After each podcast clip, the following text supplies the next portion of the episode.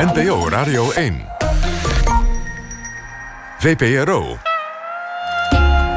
Nooit meer slapen.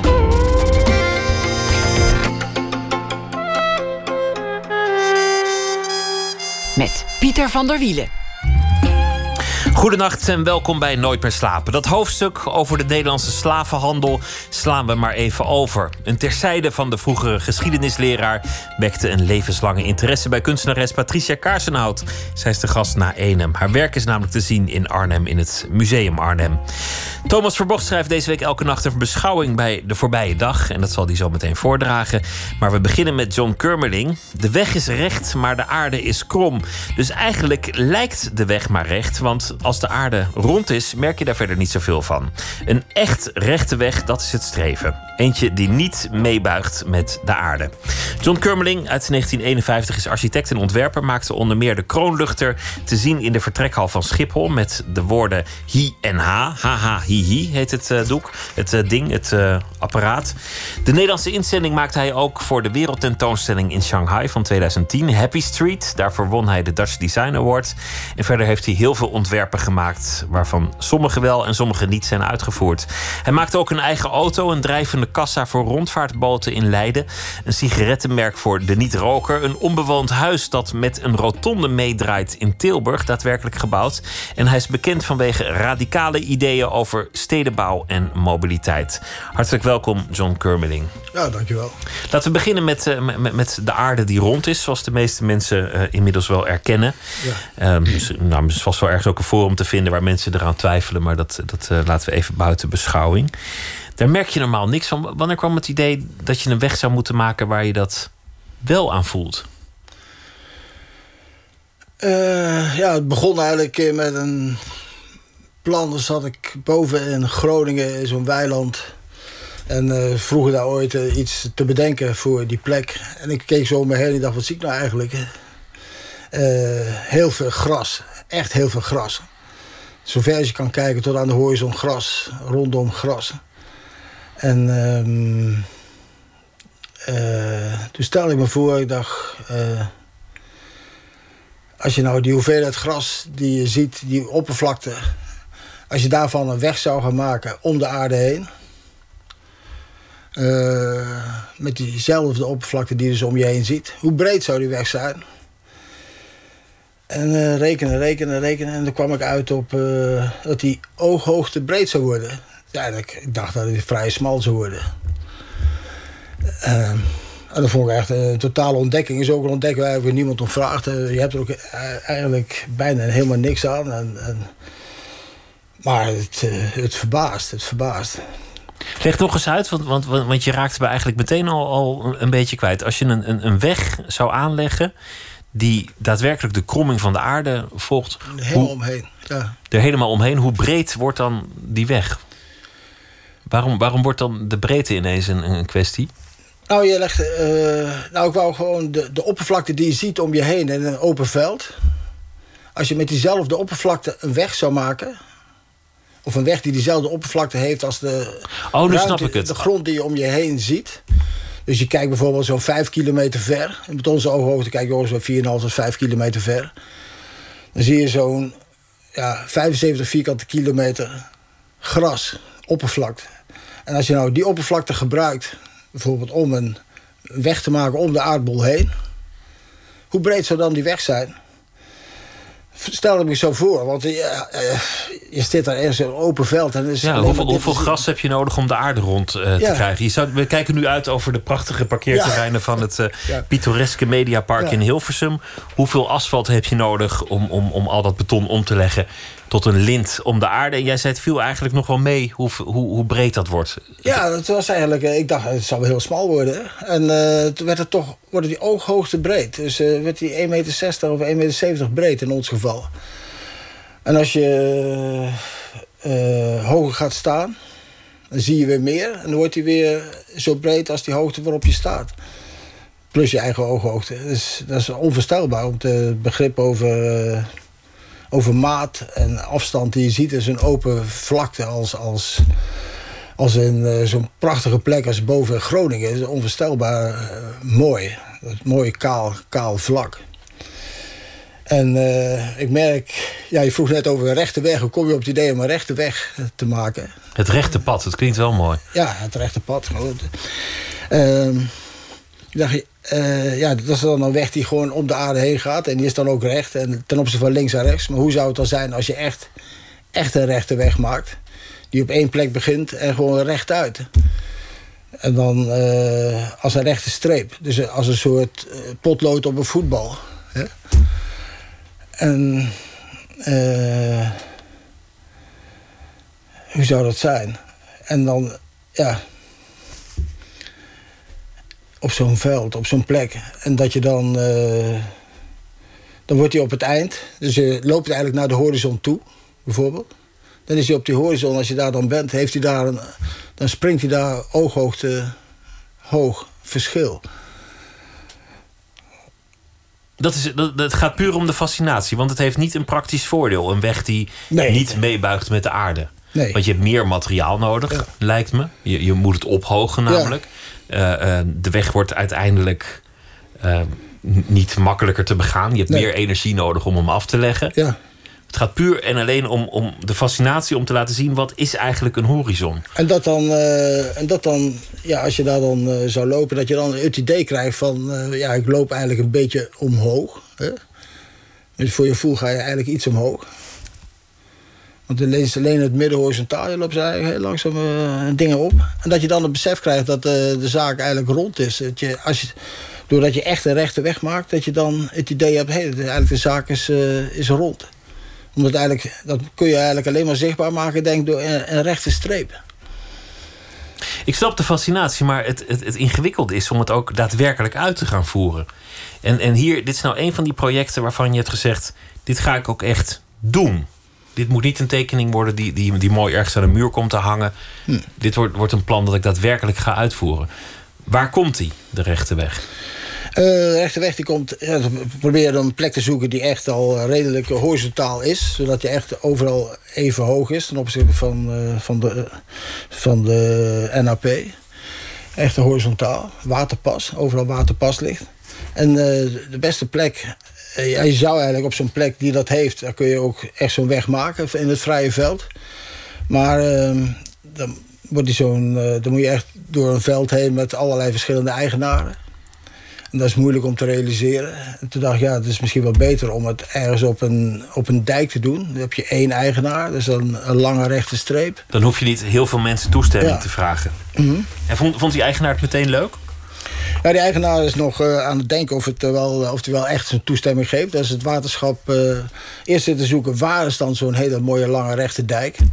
En zitten kijken met Google Earth en overal zitten kijken en checken. En, en in zitten zoomen in Nederland. En de, de langste rechte dijk in Nederland, die aan één kant water heeft en aan de andere kant land. Die ligt boven in Groningen, in, boven Hornhuizen. Ik had er nog nooit van gehoord. Maar, dat is echt de, de langste rechte dijk daar. Dus, dus uh, je weet, ja, ik hou echt van zo'n zo'n uitzicht. Het is uh, onvoorstelbaar. En waar, waar ligt Hoornhuizen precies? In, in Groningen? Hoornhuizen ligt in Noordwest-Groningen, vlak tegen Friesland aan. Het ligt bij de Lauwerszee of Lauwersmeer in de buurt. En uh, ja, het is een heel, heel klein dorpje. Heel pittoresk eigenlijk. Ongelooflijk mooi. Een, een paar huizen en een, uh, een kerk. een paar boerderijen. En ik zet, we hadden daar afgesproken, want de reden om het daar uit te voeren is eigenlijk... ik werd gebeld door een stichting Welkom Stranger. En die hadden gezegd, goh, heb je een idee om te maken voor iets, een project te doen met kinderen, iets dingen. En dat zou ergens boven Friesland zijn. En toen dacht ik, ja, je moet eigenlijk... Kinderen moeten buiten spelen, die moeten naar buiten toe. Je moet er niet eigenlijk binnen in zo'n instituut iets gaan maken en dingen gewoon buiten. En dan, wat je dan zou kunnen doen is zo'n... En toen moest ik dus aan dat plan denken wat ik ooit had voor Groningen en voor dingen. Hé, hey, dat, is, dat zou mooi zijn om te doen. Dat je echt een, echt een rechte weg maakt. Hoe ver een kind kan kijken naar de horizon. Nou, die kinderen zijn kleiner, hè, die, die zijn niet zo groot. Dus die, die kijken eerst tot een bepaalde afstand. Dan worden ze groter, dan kijken ze verder. Die kijken in de loop van de tijd steeds In de loop van het ouder worden steeds verder. Hoe, hoe langer je wordt, hoe, hoe verder je horizon Hoe verder je kan kijken. En dat je dan eerst een horizon hebt die eerst die, een bepaalde afstand van zo'n eh, van zo'n kind. En dan dat je dat ook kan zien, dat die. Dat het in de loop van de tijd dat het steeds, eh, steeds, dat je steeds verder kan kijken. Om zo'n soort, zo'n soort effect eh, te geven. Je moet het dan gewoon vanaf een zeker punt rekenen en het dan ophogen. Je, Ja. zou, je zou ook kunnen graven. Dan zou je hetzelfde effect kunnen bereiken. Dat, dat je steeds dieper gaat. Misschien wat somberder. Maar, Ja. maar dan heb je uiteindelijk ook een, een, een weg die recht is. Dan heb je ook een kaarsrechte weg. En dan maak je een, eh, eigenlijk een soort een gleuve. Je, je zaagt eigenlijk een stukje in die, in die, in die bol. Dat klopt. Dat kan. Dit, zegt meteen veel over, over jouw werk. Het is, het is vaak een, een, een gedachte die, die ontwrichtend is of, of hallucinant. Maar die dan uiteindelijk daadwerkelijk uitgevoerd moet worden als het even kan. Een, een, een tekening. En die ook weer, als het goed is, effect heeft op anderen. Op, op mensen die bouwen. Mensen die, eh, die, die zich bezighouden met, met architectuur. En heel vaak gaat het, valt mij op, over, over maat. In zekere zin. Ja. Over maatgeving. Mhm. Je had, je had het net al over, over hoeveel gas heb ik nodig om, om de wereld rond te komen. Dan heb je het over maat. Maar dit gaat eigenlijk ook over een zekere maat van maatvorming. In welke hoek moet je de weg leggen om hem recht te laten zijn? Ja, dat klopt. Wa- Wanneer is dat begonnen? In, in je opleiding? Een maat, eh, fascinatie, eh, je denkt eh, iets, hoe iets in elkaar zit. Hoe, wanneer iets mooi is of niet mooi, of lelijk, of wanneer je het lelijk vindt, of wanneer je zegt het is goed. Ja, vroeger al, meteen eigenlijk al. Hè. Dus eh, in de opleiding ook, ja. Was ik al van die dingen aan het tekenen eh, en eh, ja, is altijd. Je moet altijd kiezen met iets. Hoe groot, tot hoe ver. Als je een vrije schets maakt, gewoon, dan kun je eigenlijk alle kanten op. Maar als je dan precies moet uittekenen, dan moet je het precies. En daar hou je op, op dat punt stop je. En waarom net daar, maar net, net iets verder of zo. Dus dan denk je, ja, heb je toch altijd. En dan zit het net goed in elkaar. En anders ziet het, ziet het er stom uit. En waarom is het ene nou stom, maar waarom vind je het andere nou mooi? Eh, Maar dit is een belangrijk deel van de bouwkundeopleiding. Als, als, als ik goed geïnformeerd ben. Dat je, dat, dat je leert hoeken kloppend te maken. Afstanden goed te krijgen. eh, dat- dat, je, dat je genoeg materiaal gebruikt voor iets. Dat de verhoudingen correct zijn. Het gaat allemaal over, over rekenen en tellen. En ja, meten. rekenen tellen, of dan soms ook helemaal niet. Dan denk je, nou, ik heb er genoeg van, ik vind het andere veel mooier. En dan doe je het gewoon zo, zoals de Happy Street. Dat was eigenlijk totaal eh, vrij. Waar je gewoon er mooi uit vond zien, zonder dat je maar enigszins zat, eh, zat te meten. Helemaal vanuit de intuïtie maak je iets. En dan wel telkens kijken of het wel zou kunnen. Maar dan gaat het helemaal intuïtief, maak je gewoon zo'n vorm. Dat is weer bijna weer het extreem tegenovergestelde van zo'n echte kaarsrechte streep... waar het helemaal eh, precies over het van hier beginnen we, dan gaan we hier die kant op en dan zoveel en zoveel en zoveel en zoveel. En daarna krijg je toch wel, denk ik, een totale sensatie. We doen het ook met een minimale middelen. We maken een, eh, je kunt echt, echt gaan bouwen, maar we willen het gewoon doen met kleischelp. En dat, eh, dat ligt daar vlak in de buurt. Ze halen het er zo uit de zee. Dus een paar kilometer vandaan halen ze het eh, erop. En gooien het op het land. En je gooit het zo neer. En je plet wat. Het wordt kei en keihard, de bovenste laag. Je kunt het na de tijd ook weer zo eh, weghalen. Je kunt het ook weer eh, ergens anders voor gebruiken. Het is, het is prachtig materiaal. Dus we maken eigenlijk gewoon voor, voor wandelaars een soort ja, sensatie eigenlijk van een landschap. Dat je, als je dit zo ziet, eerst denk je, wat ligt hier? Waarom is dit? Eh, En dan zou je op het idee kunnen komen dat dat eigenlijk toch Gaat recht- over de iets is horizon. wat recht is. Ja, en eh, ja, alleen maar horizon eigenlijk. Je ging de opleiding bouwkunde doen eh, in Eindhoven destijds. En, en haakte onmiddellijk weer af, eh, aanvankelijk. Dat was geen succes. Je, had het niet naar je zin. Ja, je dingen maken, hè. Dus echt dingen maken. In plaats van, ja, we zaten toen toch... Die opleiding was er vrij strak. Dan moest je toch binnen een bepaald systeem ontwerpen. Binnen een rastersysteem van 30 centimeter. En telkens eh, schuiven en dingen. Terwijl je, je kwam er met hele fantasieën. Echt eh, bouwen, eh, allerlei eh, ideeën over. En dan heel strak. Dat. Ja, dat is toch, toch niet wat je had voorgesteld. Dus... eh en de, stopte mee. En het was ook die tijd dat net, ja, eind jaren 60. Dus de echte vrije vogeltijd. Hè? Dus eh, alle kanten op eigenlijk. Eh, onvoorstelbaar wat, je, wat allemaal kon. Dus dat deden ook allemaal. Dus uh, ja, ik wil eigenlijk dit, ik wil dingen maken, wil echt doen. Maar ja, uiteindelijk dan toch weer, wil toch ook, toch ook weer terug met uh, bouwen. En dat... Dus je ging er vanaf. Je, je zei nou, kijk, verkeerde ja. studie gekozen, jammer, ik ga iets anders doen. Ja. Kwam weer terug, ging er weer vanaf, kwam weer terug. En, en op een zeker ogenblik had je, had je je pad daar gevonden. Ja. Wat was de verandering? En werd je meteen de fanatiekste van de klas? En, en, en was, je, was je... Kun je wel zeggen, ja, ik zat alleen maar ketters te bouwen. En uh, alle vakken die je moest halen, zo snel mogelijk gehaald. En toen uh, daarna wat... afstuderen en dan kon je echt weer vrij doen wat je kon iets kiezen en dat ging je gewoon weer. Wat was die verandering? Dat je, dat je ineens van de twijfel en het, en het uh, nou ja, eigenlijk met andere dingen bezig zijn, zo fanatiek werd en zo werd gegrepen door de bouwkunst en het ontwerpen? Ja, dat weet ik niet. Ik deed het gewoon, ik wou het. Waarom, dat weet ik niet. Het zit toch bijna helemaal ingebakken waarschijnlijk, toch, dat je dat wil. Gewoon een soort drang om, om, ja. om dingen te ontwerpen. Ja, dat je echt precies wil weten ook hoe het zit. Dat ook al uh, aanvankelijk ook uh, snapt hoe, hoe, hoe dat allemaal loopt. En de details en de constructies. En de, ja, is, het is prachtig.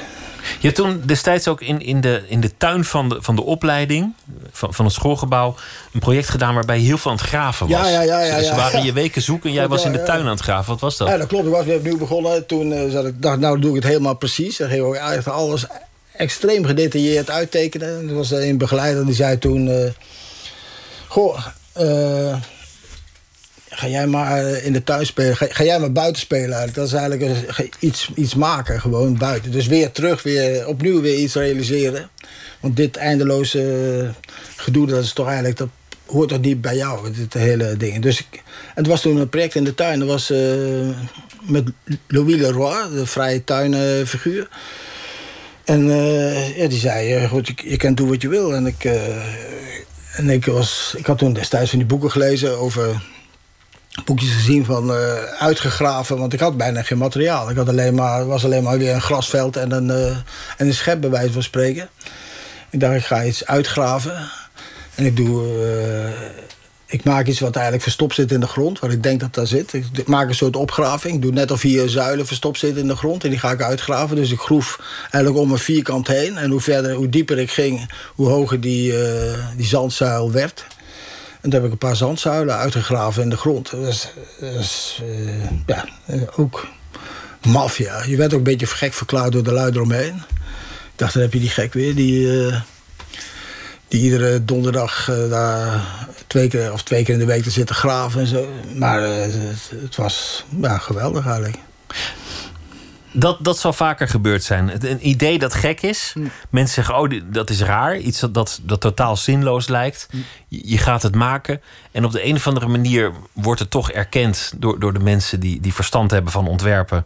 Win je er prijzen mee. De, ja. je, cv is heel lang. De hoeveelheid prijs is ook heel erg uh, lang die je gewonnen hebt.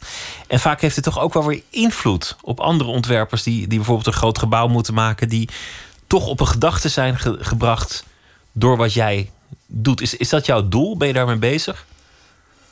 Ik zou me zeer, zeer gevleid voelen als iemand uh, via, door die dingen die ik doe... zelf uh, geïnspireerd raakt door het een of het ander. Maar, maar of het ook gebeurt, dat, dat, dat is niet iets waar je mee bezig bent? Nee, dat, uh, nee, dat is misschien dat is wel een leuke bijkomstigheid. Dus, je wil zelf gewoon eigenlijk die plannen of vragen of dingen echt verder uit, uit gewoon bedenken... en ook realiseren als het enigszins kan, ja. Hoeveel ideeën op een dag? Loopt er vrij door. Nou, de laatste tijd ben ik misschien nog vrij. Uh, vrij suf eigenlijk. Dus er continu iets te rekenen waar ik denk, hoe, hoe kan het nou dat bijvoorbeeld. Uh, Napo ik had er gelezen in het boek. Dat Napoleon die was dan naar Egypte geweest en die had in de, de piramides wezen kijken. En die, uh, die was er ook met een stel wiskundigen naartoe geweest. En die was een beetje wit aangelopen, wit, wit uitgeslagen, hoe noem je dat? Bleek kwam die weer de piramide uit, weggetrokken, ja. ja. En uh, een jaar daarna komt hij met uh, het idee van, uh, van de afstand de meter. De meter is dan zo groot. En ik denk, misschien is dat, heeft dat toch een verband of zo. Dan ga je daar weer in duiken. En dan zie je daar de dingen van een andere keer zit je... En dan vind ik dat erg leuk om het helemaal uit te zoeken. Of iets te vinden. Eindeloos aan werken. Terwijl het eigenlijk ja, geen hond vraagt erom. Maar ik vind het hartstikke leuk. Om dat te, te weten hoe dat dan precies hoe dat zit eigenlijk. En Om in een project te duiken en eh, het, het- er een ontwerp van te maken, wellicht, maar misschien ook een gedachte. Ja. Soms een ontwerp dat nooit iets wordt en, en soms het ook daadwerkelijk te bouwen.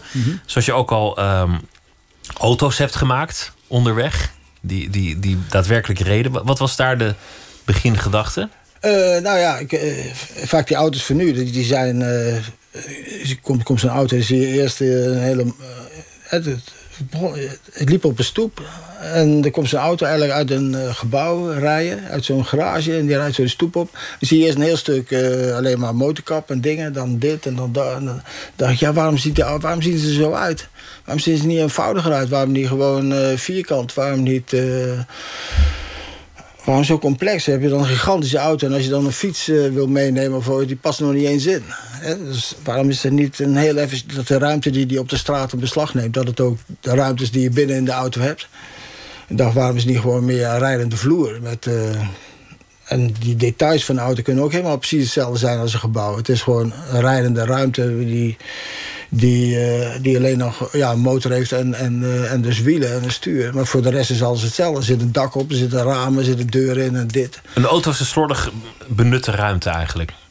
Ja, die zou eigenlijk veel eenvoudiger ge- gebouwd kunnen worden. Dan dacht ik ook om auto's dat die eh, als een gedeel van een huis zijn. Dat bijvoorbeeld een, een gedeel van je huis zou kunnen wegrijden als, als auto.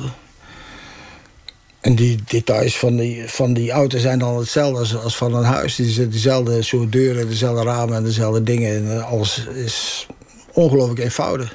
Een, een rijdende verblijfsruimte heb je er dan Ja. van gemaakt. Maar het doel is niet om, om hem op de markt te brengen en er rijk mee te worden. of om die auto ook daadwerkelijk gefabriceerd te krijgen, volgens mij. Nee, dat is. eh, nou, ik heb er vier, heb er vier gebouwd. En ja. Nee, we hebben niet echt. eh, het is nog, ze vinden het meestal oerlelijk. Het is eh, echt ongelooflijk lelijk. Maar ik Was die ook echt- wel? Ik vind het echt de de mooiste auto die ik ooit, eh, ooit gezien heb. Het is een kwestie is van, anders kijken. Ja. Ja, ja, ja. Het heeft niet een, een mooie lijn zoals een, zoals een Porsche dat kan hebben of zo. Ja, een Porsche. eh, Een vriend van mij die ook meehelpt met eh, auto's. Oscar de Kiefse, die, eh, als je het over een Porsche hebt... die, heeft, die zei, god, de Porsche eh, die zou eigenlijk veel harder kunnen rijden als je hem opdraait. Want die Porsche is voor laag en achter hoog. En eh, het zou beter kunnen zijn als, die, als je hem opdraait... dan krijg je meer een druppelvorm, dan gaat hij harder. En die heeft echt een Porsche helemaal losgeslepen... en van zijn, eh, van zijn eh, onderstel afgehaald... en de carrosserie eraf gehaald... en, en omgedraaid op het chassis gezet.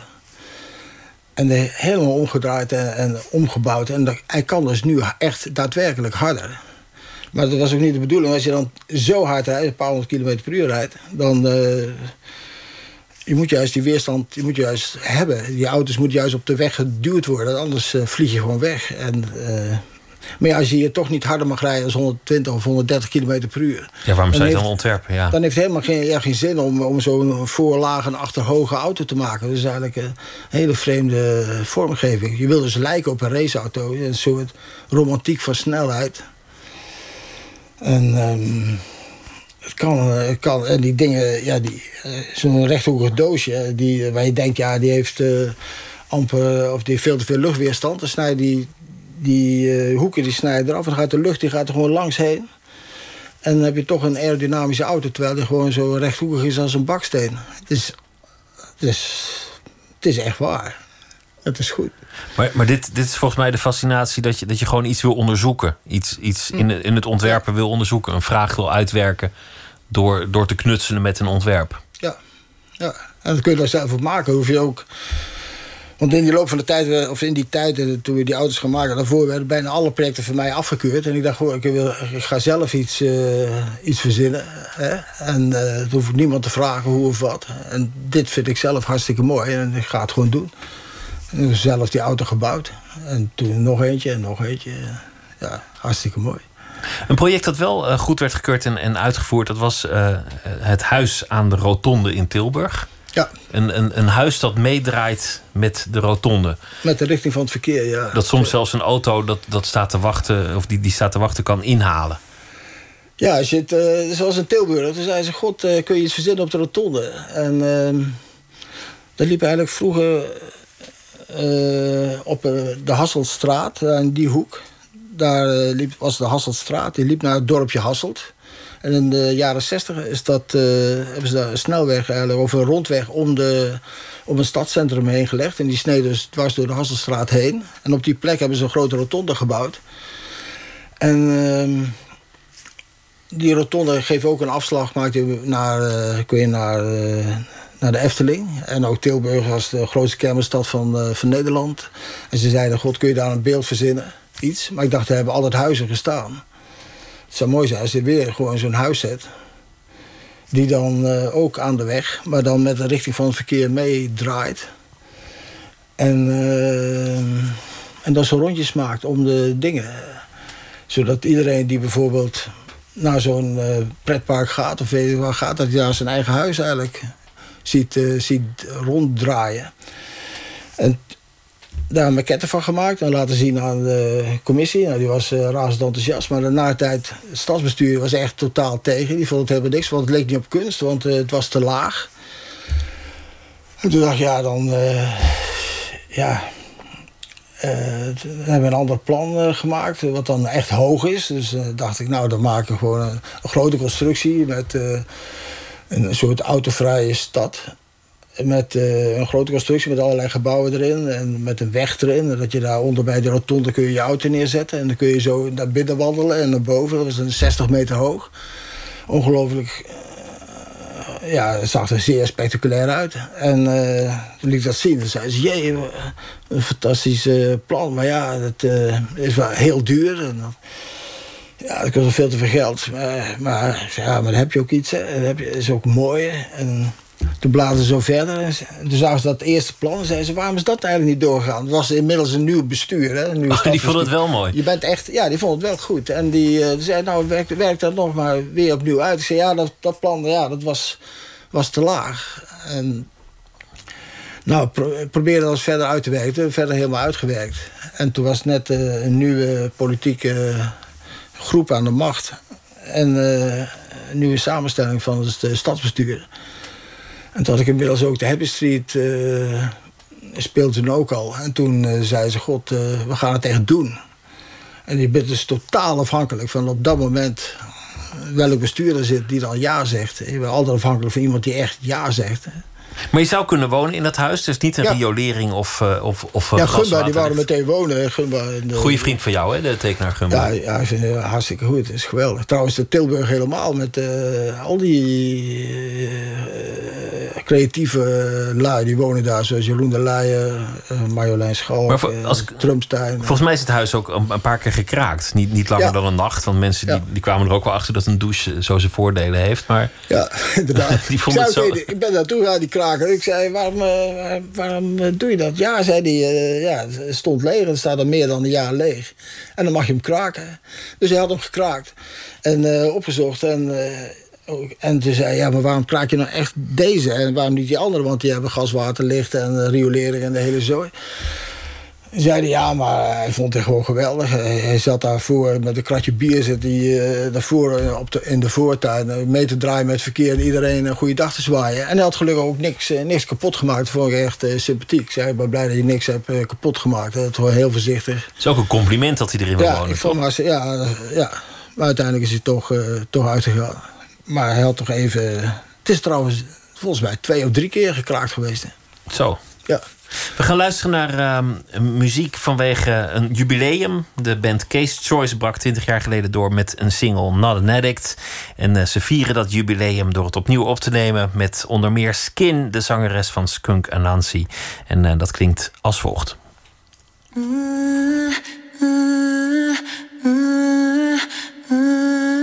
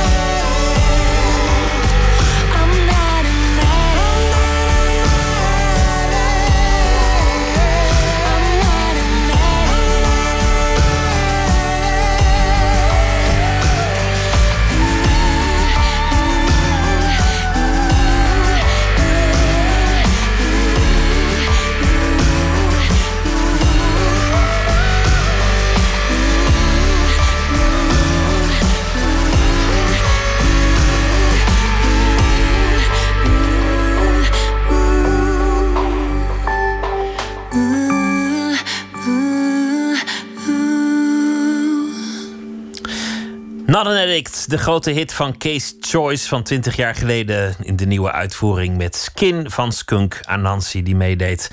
Nooit meer slapen in gesprek met John Kermeling. Hij is architect en ontwerper, bezig met een rechte weg, het rechte pad, eh, ook wel het Hollandse pad genoemd. Een pad waar je langzaam naar de horizon toeloopt in een rechte lijn, zoals het normaal lijkt. Maar de horizon zul je nooit bereiken. En op dit eh, pad zul je aardig in de buurt komen en voelen dat de aarde rond is. Zoals eh, de meeste mensen nog steeds eh, weten. Je legde mij intussen even uit hoe de meter tot stand is gekomen. Vond, vond ik eigenlijk wel een interessante, duizelingwekkende gedachte. Dat, dat de meter met een reden bedacht is. Dat niet iemand gewoon ooit een, een brok hout heeft gepakt en gezegd: Oké, dit is voortaan een meter. Ah, ja, ja. Ja, toch? Ja, ja, ja, ja, Hoe- ja, ja, Hoe ja. kom je op het idee dat dat dan een meter is? Ja, ja.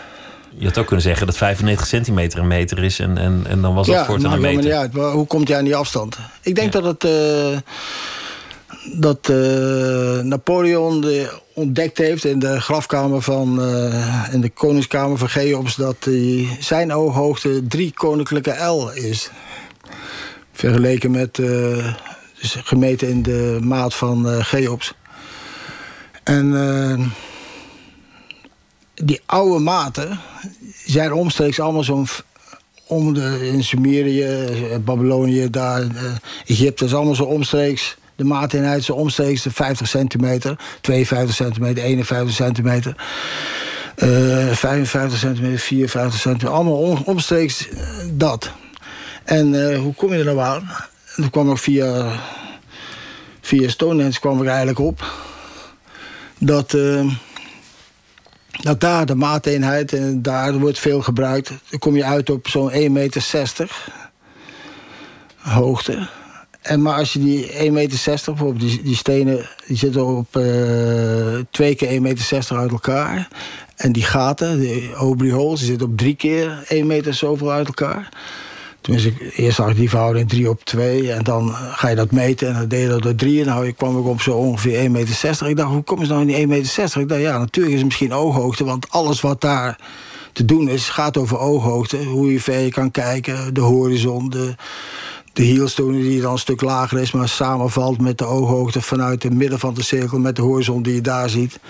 Het is ongelooflijk eh, mooi in elkaar, eenvoudig eigenlijk. Maar als dan die maat van de cirkel, als die van belang is... om dat te gaan tellen, je gaat niet zomaar zo'n maateenheid in een eh, cirkel leggen, dat is moeilijk. Je begint dan met de straal, en die straal zet je gewoon een punt uit... en dan draai je om één punt heen, dan heb je de cirkel. Maar die straal is een stuk kleiner dan die, eh, dan die maat van de cirkel. Dus, eh, maar het is wel, als je, die, als je de cirkelmaat hebt... daarmee hangt de diameter van die cirkel die hangt daarmee samen. Hoe groter die maat is van de cirkel, hoe, kleiner de, hoe groter de diameter en omgekeerd. Toen dacht ik, als je nou eh, die maat van zoveel keer 1,60 meter... als die van belang is, dan... eh, dan heeft dat een gevolg voor die. Dan is die. de diameter van die cirkel. Dan kom ik uit op. Als je die namelijk wil gaan meten, dan kom je die uit op zo'n ongeveer 50 centimeter. Iets meer dan 50 centimeter. En toen dacht ik, verdomme, misschien hebben ze vroeger allemaal zo die. eh, die, die die 50 centimeter, als de ene dan groter is, dan krijg je eh, twee- eh, 52 centimeter ben je nog groter, dus 52 komma zo nog meer centimeters. Misschien heeft dat allemaal daarmee te maken met, eh, met je eigen ooghoogte en daarmee afgeleid de diameter. Als je je eigen ooghoogte in de cirkel legt, dan is de diameter dan zoveel. En Napoleon was niet zo En, lang. en, en toen dacht ik, ja, Napoleon die denkt dat hij, dat hij dus eh, drie... Die ziet opeens dat hij drie eh, koninklijke L is. En eh Geops zou dan eh, eh, 3,14 koninklijke L eh, zijn ooghoogte hebben. Dus namelijk pi keer die hoogte. En die, als je dan die... die eh, de meeste gok dan dat hij dan zo, want die, dan ik dus omgekeerd. Dus eh, die koninklijke L is 52, komma zoveel centimeter. Dan zou de ooghoogte van Geops die zou dan eh 1,64 meter zijn. Oké, oké. En hij ontdekt dat hij eh, drie koninklijke L is. Nu word ik een beetje duizelig. En, en, en, En dan komt hij precies uit op de diameter is dan een halve meter. En dat is een beetje moeilijk meten met die, eh, met die drie. Is dat veel makkelijker als, die, als dat twee keer zoveel is, is zes. Want de straal van een cirkel pas zes keer. Kun je zes keer uitzetten op een cirkel. En dan eh, heb je dus een omtrek van zes koninklijke L. Die zou dan eh, eh, twee keer... eh, de diameter zou dan twee keer eh, de Napoleontische eenheid eh, zijn. Dat is dan twee keer een half. Is Zie- één, zie daar de- één meter. Zie daar de meter. Wa- Was je niet liever een, een architect geworden die grote opdrachten deed en, en gebouwen neerzet waarmee je de ideeën die je hebt ook daadwerkelijk invloed kunt geven? Je, je, hebt, je hebt ideeën over, over stedenbouw, over hoe een gebouw eruit moet zien, over, Ja. over vervoer. Je hebt over, over alles eh, tamelijk straffe overtuigingen. Z- Zou je niet liever een van die architecten zijn die ook daadwerkelijk grote opdrachten krijgt om die, om die neer te zetten? Ja, heel graag, maar die eh, heb ik ook. Die- tenminste, die Happy Street is echt eh, het grootste wat ik eh, ooit mezelf kan, kan indenken om te krijgen. Als, De als inzending opdracht. voor de Nederlandse, Ja. eh, Nederlandse inzending voor de wereldtentoonstelling in Shanghai. Ja, was echt eh, geweldig. Want het was echt uh, koor op een molen. Ze vroegen eigenlijk, eh maak een ontwerp voor eh, hoe een betere stad en een beter leven zou kunnen zijn. Maar daar zeg je al zou kunnen zijn. Het is, het is ook een soort experimentele Dan ga je architectuur. fantaseren, ja. Het is, niet, het is niet daadwerkelijk een stad maken, daadwerkelijk een gebouw of, de, of daadwerkelijk een wijk. Ja, dat is dan het idee. En daarna tijd kun je dat echt nog een keer echt uitvoeren. Je zegt, ja, die, die steden moeten niet zo... eh, dat je één plek hebt met alleen maar winkelen... andere plekken alleen maar wonen... andere plekken alleen maar werken... en andere, andere voor alleen maar een beetje rondhangen. Maar als je dat mixt, die functies, dan wordt het veel interessanter. En als je ze oriënteert aan een weg, dat ze aan een weg vastzitten... dan kun je overal komen. En dan krijg je echt een, een, een, een hele bruikbaar, levend eh, iets. Want, want wij in Nederland doen het, doen het anders dan, dan in andere landen. We hebben namelijk een, een historische binnenstad. Ja. Waar, waar je met de auto nauwelijks kunt komen. Dan heb je daar omheen Ja. wijken. En, Ja. en, en hoe nieuwer de wijk, hoe meer die auto centraal staat. Maar daar zijn de functies weer gescheiden. Dus dan is het Ja. werken en wonen en het winkelen is weer gescheiden. En het recreëren. En dan, dan is het ook nog zo dat, dat je met de auto nooit echt recht daar kunt komen. Althans, van de snelweg moet je eerst even van de snelweg af. Ja, dan stuur je ook weer terug. Kun je niet echt doorrijden. Het is echt eh, een soort hindernisbaan. En nu helemaal. Ze willen echt de auto's weer uit de stad. Terwijl die auto's nu... Je zou juist nu, als je wil vo- eh, gaat anticiperen op de, hoe de auto eh, over een tijdje uitziet... dan is de auto geen vervuilend iets meer. Een heel slim iets. Dus dan moet je juist nu al de steden zo inrichten... dat het inderdaad volop kan. Meer ruimte voor de automobiel in plaats van minder. Ja, ook. Dat eh, mengen. En dan eh, liefst die eh, st- verstopte steden... waar je eigenlijk de hele zaak dichtgooien... met, met paaltjes en, en, en bloembakken. Die hele zaak wegrachen, opengooien en weer opnieuw... dat je die straat, die straat kan gebruiken waar die eigenlijk voor bedoeld is... waar die voor die ontworpen is, voor iedereen. En nu zijn wordt de straat hoofdzakelijk geprivatiseerd. Er is één club die zegt die straat is van ons... De voetganger, de fietser, de, de automobilist. Ja, of de mensen die daar veel verblijven of toeven... of de winkeliers die zeggen, dit is mijn straat en dit is dit... en je mag hier alleen maar lopend heen met dit. eh. als iemand bijvoorbeeld... als je nu ergens door een wijk rijdt met je auto... dan zijn de lui die kijken je aan en die denken... wat doe jij hier in onze straat? Die straat is van, van hun. Dat is eh, waanzin. Dat is gewoon, eh, ook gemeentes nu die bijvoorbeeld straten gaan privatiseren... en gaan verkopen...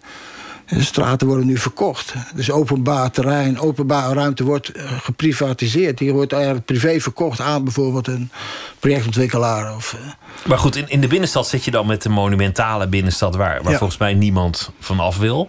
Volgens mij zijn nee, dat je echt, ja, bijvoorbeeld Amsterdam of Utrecht of zo, die hebben echt zulke mooie dingen. Maar die kun je gewoon koesteren. Dat is gewoon e- echt eh, gaaf. Bijvoorbeeld zo'n stad als, eh, ja, waar ik woon, Eindhoven. Die hebben eigenlijk alles gedaan om die binnenstad eigenlijk eh, op te ruimen. Ze zeggen dat na de oorlog meer gesloopt is dan tijdens de bombardementen. Eh, ja, daar. eh, ja, toen dacht ik, ja, hebben ze. Of, of ze zetten om die oude binnenstad zetten ze een ringweg omheen. En dan. eh, en dan binnen die ring moet je dan helemaal auto, liefst zo veel mogelijk autovrij worden. Toen dacht ik, kwam dacht, ja, vroeger gooien ze eigenlijk de, de doden gooien ze eigenlijk uit de, uit de stad, buiten de muur. Dat zou, eh, zou kunnen proberen, dat was een experiment. Dat je zegt, nou, we doen nou de dooien in het midden. Met een park. En, eh, en daar staan nog een paar mooie oude dingen nog. En eh, alle acties en eh, spullen zitten er buiten. Omdat er binnen is gewoon amper nog ruimte. Dat je alles naar één punt brengt. Dat gaat niet. Maar je zou dat bijvoorbeeld kunnen zeggen... nou, je zou het tot een park kunnen maken... gecombineerd met begraafplaatsen. Of... Maar je, je hebt dat, dat onderzocht in, in, dat, eh, eh, in die inzending Ja. voor de wereldtentoonstelling. Ja. Ja. Dat, dat leek een beetje op een pretpark. Daar leek het op geïnspireerd. Hm. Op, ook, ook een soort Efteling. Op een, op een soort achtbaanachtige constructie. ja, ja. Maar dan een stad. Hoe, hoe zou je dat zelf omschrijven? Ja, dat is een hele goede omschrijving. Dus dat je bijvoorbeeld die... eh, De, ja, toen had ik eigenlijk maar weinig ruimte. En toen dacht ik, ja, dan kun je eigenlijk proberen die weg... een beetje eh, ook de hoogte in te laten gaan. En dan die gebouwen gaan mee de lucht in. En die hangen dan eraan als een soort... eh, ja, achtbaan met, met gebouwen eraan. Als een soort attractie. En dat ook op die manier vormgeven. En dan dat je ook zo'n soort. Is eigenlijk gek dat bijvoorbeeld zo'n stad, zo'n zo'n woonwijk. Bijvoorbeeld, kijk nou bijvoorbeeld een straatje in Tilburg. Gewoon een eenvoudig straatje in Tilburg. Waar gewoon huizen zitten met eh, rijtjeshuizen. eh, ramen en deuren op een rijtje. Deur, raam, deur, raam, deur, raam. Raam, raam, raam. En nog een dak en dan dakkapel of geen dakkapel. Of wel een dakkapel, die heeft twee dakkapellen. Een soort afspraak. En het ziet er vrij saai uit. De andere kant is daar gewoon gespiegeld. Terwijl de zon die staat aan de ene kant erop. En die heeft, achter in de tuin heeft hij schaduw. En die andere staat eh, achter in de tuin lekker zon, maar voor schaduw. Toen dacht ik, nou, waarom zou je die zaak niet opengooien? Waarom, waarom maak je niet van die eh, de ramen aan de straat... waarom maak je daar niet een dubbele deur van... dat je gewoon op de stoep gaat zitten met je lichtstoel... en lekker in de zon of zo. Hè? Dat je... En als er dan kermis is in zo'n straatje... dan is het echt totaal feest. Dus de hele zaak is echt eh rep en roer. Je vindt het allemaal geweldig. eh, lampjes en dingen. Iedereen vindt het mooi. En dan wachten, wordt er weer één jaar gewacht... totdat het weer kan, totdat het weer mag. Waarom niet continu eh, dat soort dingen en, en, en die vrolijkheid die je hebt... waarom moet het helemaal op gepaste tijden dan vrolijk... en dan moet je maar suffen in die hoek blijven zitten... en we wachten dat je op vakantie mag, zeggen ze dan.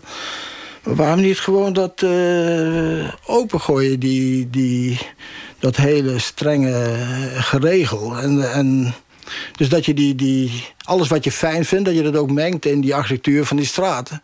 Het is zo stom dat, dat die, vaak architecten, dat je alleen maar dit mag... en anders wordt de architect kwaad of dat het past bij het ontwerp.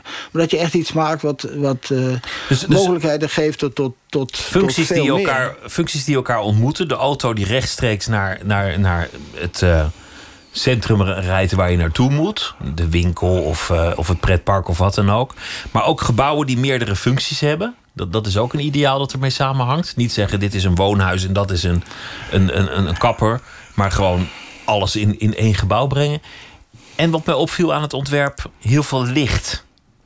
Dat, dat het niet, niet een, een duister en zwaar gebouw moet worden. Ja, Maar, maar iets waar, waar heel veel licht en lucht en vrolijkheid doorheen gaat. Ja, ik snap het niet. Dat Sommigen die kwellen zich zo. Die houden zich zo, eh, er zo van om ergens in het donker te zitten... of liefst door tunnels te gaan of door metrobuizen heen... of eh, op een plek zoals het Groene Hart... dat daar een tunnel doorheen zit. Waarom niet eh, een mooie constructie op poten... waar je zo door het landschap eh, zoeft en geniet van het uitzicht. Zoals de zweeftrein in Noord-Duitsland. Ja, je moet nooit...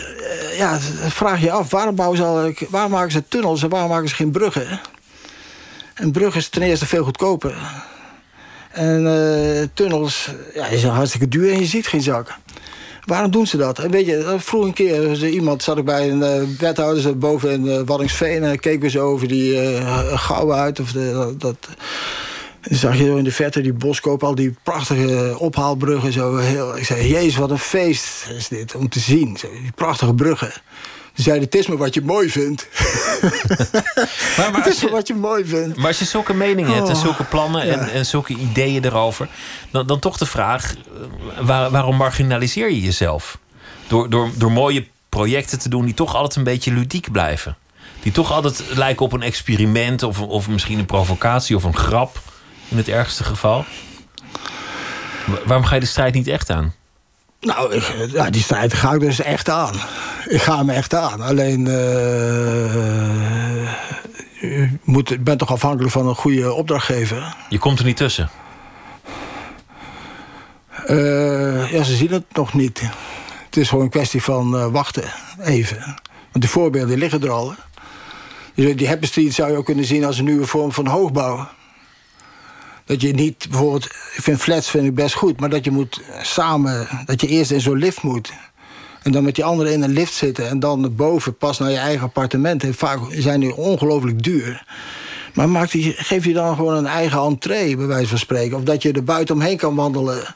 En dan zo naar je, naar je plek toe. Dat het, dat het veel meer openbaar wordt, hè, erboven. En niet zo, zo, zo dat je door kokers en schachten heen moet. eh, waarom niet gewoon eh, buitenlangs en eh, zo naar binnen? En veel licht, zei je net. En dan heb je het lekker licht en dat is mooi en het is goed. En het, Maar heb je ook daadwerkelijk tekeningen, strandpaviljoen-achtig iets krijg je dan. tekeningen en plannen voor flatgebouwen die gerealiseerd kunnen worden? En, en waarom lukt het dan niet om, om die erdoor te krijgen? Ja, dat... ze willen het nog niet. Het wordt nog niet gewild. Ik vind, ik vind het interessant omdat, je, dat je wel alle grote prijzen wint. In, in alle tijdschriften staat. Omdat, je lof krijgt. En, en als er dan iets moet worden ingestuurd. om Nederland te vertegenwoordigen. van kijk eens wat wij kunnen op de Ja, ze wereldtentoonstelling. waren trots. We hadden de meeste bezoekers. Ze hoeven nergens te wachten. Alles was open. Je kon dan veel- ze jou. Maar als er in de praktijk daadwerkelijk iets moet worden neergezet. waar mensen in wonen of, of, eh, of, of eten of slapen. Dan, dan bellen ze iemand anders. Ja, ik denk eh, een beetje bang zijn of zo. Bang voor, eh, voor iets wat heel voor de hand ligt. Soms zijn ideeën zo simpel. Dan zeggen ze ja. Zo simpel. eh, zo simpel. Ja, dat is gewoon te simpel. Of ze zouden ze zelf ook wel kunnen verzinnen. En daarom gaat het dan niet door, vaak. Dat het te voor. Of je maakt. Zelfs die Happy Street. Liet je zien. Dan zei ze, oh, had ik zo'n maquette gemaakt. Oh. Ja, dan kan mijn, mijn, kleine, mijn kleine dochtertje, die kan het ook. Zul je in elkaar plakken? Inderdaad, dat kan die ook.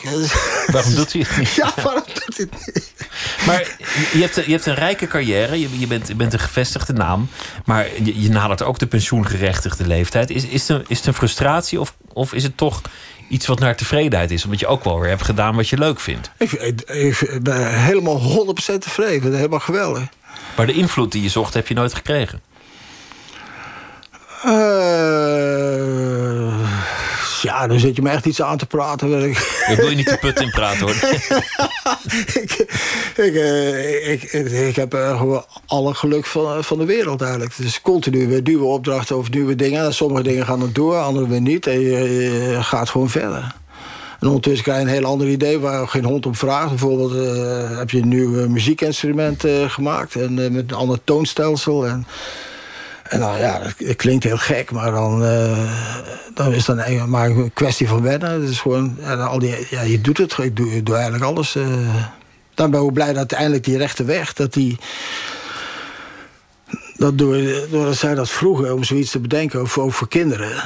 eh, dat het eh, gewoon gaat komen, dat vind ik wel goed. Maar zo'n plan was al vrij oud. Maar het is, nu, nu is die kans dat is, is ongelooflijk goed. Je dan, en achteraf, ja, die dijk was maar 6 meter, zes kilometer lang. Dus die weg die wordt aan twee kanten drie kilometer. En dan, ja, ik zou eigenlijk liever zou je wat hogere verschil, groter verschil willen hebben. Maar dat blijkt dus, is dus 70 centimeter. En dat is 70 centimeter is precies de, of precies, ja ongeveer, de ooghoogte van een kind van één jaar. Die net kan staan en net kan lopen. Dus is het eerste wat hij ziet. Dus over, over 6 Is- kilometer lengte is de, Ja. de bolling van de aarde 70 centimeter aan beide zijden van het Ja, dus- middelpunt. Ja, na, na drie kilometer zit je 70 centimeter hoger. En, eh en de, toen meteen dat plan weer heel goed worden. Omdat het dan, of des te beter, omdat het weer eh, aansloot bij zo'n ooghoogte van een kind van één jaar. Die net zo staat en kijkt in het vrije veld. Die kan net zo ver kijken. Dan vind ik meteen dat het weer klopt op een of andere manier. Dan wordt het alles weer veel sterker en beter. Dan, dan eh, ja, werkt er weer erg, erg mee in mijn nopjes eigenlijk. En wat- wat ook, wat ook anders is dan, dan bij andere ontwerpers, is dat je het ook altijd liefst zelf wil maken. Het, het, het bouwen, het knutselen Ja, met je handen. Ja, ja, ja, ja, ja, ja, klopt. Ja. Was, was in China ook heel goed met die. Toen we daar de, de uitvoering bij de aannemer zo. En dat hij met zijn ramen zijn deuren kwam aanzetten. En dan zie je hoe ze dat gemaakt hadden. We hadden alles perfect op tekening staan. Maar ze doen het toch weer op een andere manier, omdat het weer goedkoper is. Nou, dat kan vaak heel slim zijn. En dan is toch goed. En zei ja, maar als je dan zo doet, dan zou je het beter zo doen. En zei hij, ja, hoe dan? En, zei, ja, en dan was het daar in die werkplaats. En dan pak je die hamer. En zo dit eraf. En dan daar. En, daar lassen we het zo vast. En ze kijken ze ogen uit en denken ze, een architect die, eh, die kan lassen, krijg je nou wat? Maar dat uh, zegt die ander, ja, dat moet je niet doen, want uh, nemen ze niet meer serieus. Maar ze vonden het juist uh, goed dat je dan dat doet. En dat, vonden ze, dat je ook wist hoe het dan gemaakt zou moeten worden. En dat je het ook zelf kon. En niet alleen maar zegt, hé, hey, dat moet je zo doen of zo doen. Ja, hoe dan? Ja, dat weet ik niet. Nee, dat, dat, is, dat is, ja, dat vind ik heel handig. En als je iets zelf kan doen of zelf kan uitvoeren, dan doe ik het ook graag. Maar dan voel je ook je eigen ontwerp in je handen. Dan voel je, ook, je ook- waar ja. het loopt, waar het niet loopt. Waar, waar ja, het precies niet dat. En dan kun je ook ingrijpen. Hè? Want die tekening is altijd heel moeilijk. Je moet er van tevoren voorspellen hoe het allemaal zo is en zou zijn. En je kunt ter plekke bijna niet meer ingrijpen... want dan ben je overgeleverd aan eh, eh, eh, uiteindelijk hoe het dan gaat worden. Maar soms zie je, terwijl je het maakt... zie je dat het beter anders zo zou kunnen. En dan kun je mooi de zaak nog aanpassen. Dat is, eh, vaak is dat eh, erg handig. Het is heel moeilijk om te voorspellen hoe iets ruimtelijk in elkaar zit... als je het alleen maar op tekening hebt en een beetje dit. En dan, en dan als, terwijl als een bouw zijn, oh, had het misschien toch zo kunnen doen. En dan, als het dan klein genoeg is en je kunt het zelf doen... dan kun je het gewoon veranderen. Nog even over dat, dat rechte pad waar, waar we begonnen. Ja. Wanneer, gaat het er komen? Want je zei, de dijkgraaf weet het nog niet helemaal zeker. Die vindt het leuk. Ja, we zijn nog bezig ook met eh, eh, geld en ook eh, toestemming vragen aan boeren over die recht van overpad. Want die moeten aan de andere kant met hun schapen kunnen grazen. Dat ze niet eh, gehinderd worden door zo'n constructie. Maar ze kunnen er eigenlijk zo overheen wandelen eigenlijk. Eh, we gaan eerst een, eh, een proef maken om te kijken hoe dat zich houdt in de storm. Als je daar zo met kleischelpen iets aangestampt hebt, of dat dan op die, tijdens die, eh, die weersomstandigheden daar het is. het schijnt, kan er ongelooflijk spoken.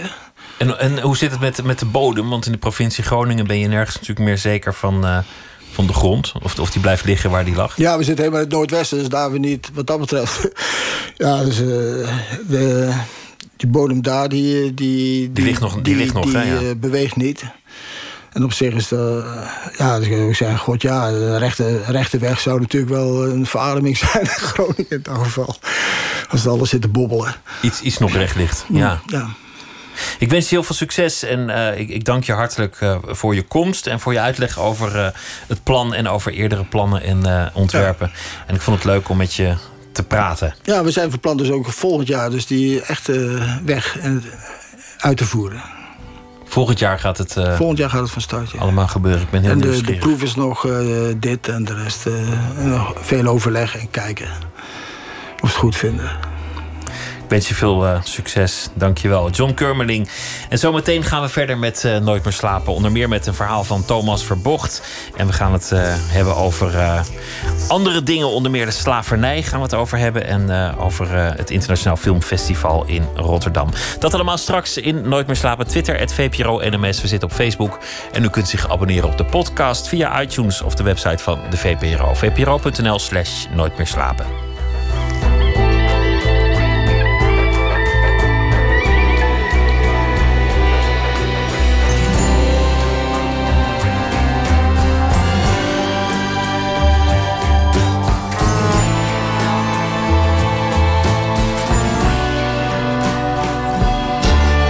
Radio 1. Het nieuws van alle kanten.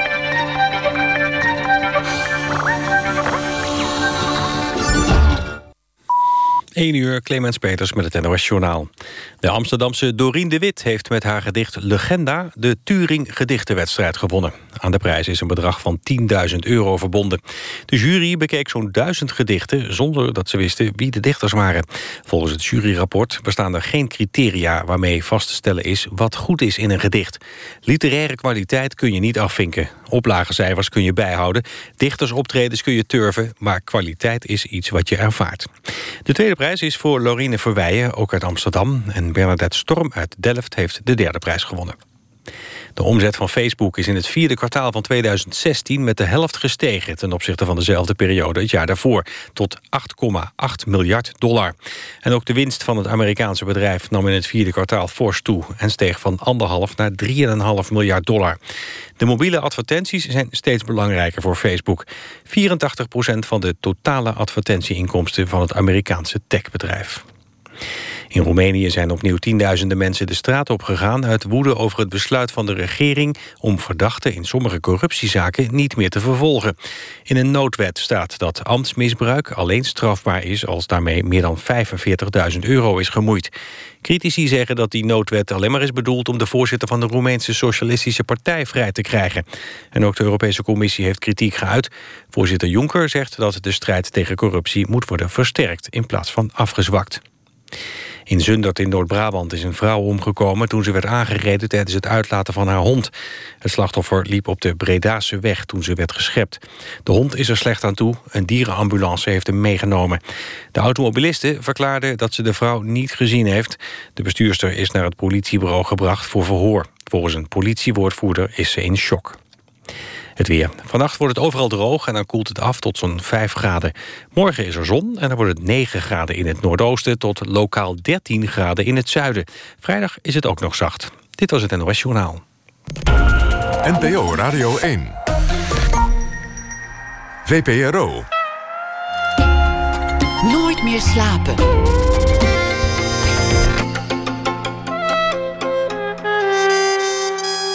Met Pieter van der Wielen. Parallel aan het Internationaal Filmfestival Rotterdam is in dezelfde stad een videotentoonstelling Zij zijn te zien met gefilmde portretten van verstandelijk gehandicapten. Zometeen een gesprek met fotograaf Rins de Jong over dat filmproject. Patricia Kaarsenhout komt op bezoek. Kunstenaar en activist. Museum Arnhem heeft recent haar video-installatie Rebelse Trots aangekocht. Waarin het gaat over slavernij, racisme en feminisme. Thomas Verbocht die sluit de dag af met een verhaal en dat zal hij straks voordragen. Maar we beginnen met het cultureel nieuws. Wat er vandaag allemaal gebeurde, werd bekend dat Oprah Winfrey gaat werken voor het Amerikaanse nieuwsmagazine 60 Minutes van CBS. De populaire presentatrice kiest voor deze baan vanwege de politieke en sociale situatie in Amerika. Ze wil met haar gesprekken mensen van verschillende achtergronden bij elkaar brengen.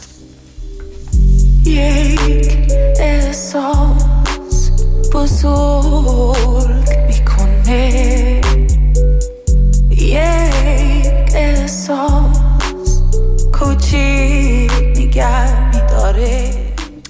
Dit liedje van de Iraans-Nederlandse zangeres Sefda Lisa werd vandaag een hit. Ze schreef het als protestsong omdat ze afgelopen weekend hoorde dat ze de Verenigde Staten niet meer in kan. Terwijl ze juist daar binnenkort haar nieuwe plaats zou willen promoten. De opbrengsten van het liedje gaan naar een fonds om mensen die getroffen zijn door de door Trump bedachte moslimban te steunen eh, met geld. De Haagse band Direct manipuleerde de hitnoteringen, zegt Tim Akkerman, voormalig zanger van de band, in een interview met Panorama. Direct zou daarin overigens niet de enige zijn. Er zouden meer bands zijn die proberen hoger op te komen in de hitlijsten door met geld te zwaaien. En morgen is er een eh, proces. Uitspraak zal de rechter doen over eh, Mijn Gevecht, de biografie van ex-wielrenner Thomas Dekker. Jacques Hanegraaf, oud-manager van Dekker, spande een kort geding aan... omdat hij het oneens is met passages in het boek. En hij zou ook niet genoeg kans op wederhoor hebben gekregen. Aan de telefoonschrijver van de biografie Thijs Sonneveld. Goeienacht. Goedenacht. Komt waarschijnlijk niet helemaal als een verrassing dat, eh, dat mensen boos zouden zijn. Had je, had je ook rekening gehouden met een, met een rechtszaak? Eh, nou ja, we wisten van tevoren wel dat het wel eh, enige commotie of storm eh, zou kunnen opleveren. En van bepaalde personen hadden we wel een heftige reactie verwacht. En ehm, ja, het zat wel in dat sommige mensen het niet heel leuk zouden vinden dat Thomas de waarheid zou vertellen die heel lang onder de pet is gebleven. Dus had je, ja, had je verwacht dat... je zei sommige mensen verwacht ik het wel van. Zat Jacques Hanegraaf daartussen? Ja. Hij is eh, boos, want, want onder meer wordt over hem gezegd... dat hij heeft aangezet tot dopinggebruik. Dat is een, een, een vrij fors ver- verwijt. En hij zegt dat er onvoldoende wederhoor is toegepast. Heb je dat geprobeerd om hem eh, eh, te bereiken... en zijn kant van het verhaal aan te horen? Eh, ja, meerdere keren.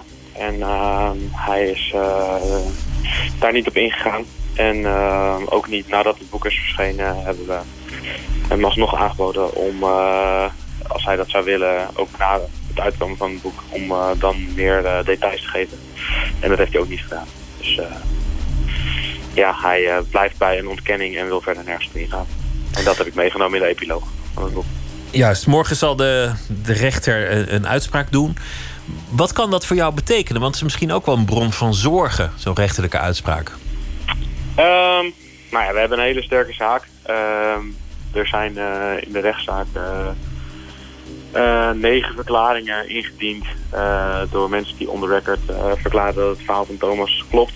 Ehm, en er is eigenlijk niet iets tegen ingediend. Dus we hebben een hele sterke zaak. Maar ja, uiteraard is het niet leuk om een kort geding te voeren of een rechtszaak te voeren. Dus ja, dat brengt heus eh, genoeg negatieve, negatieve energie met zich mee.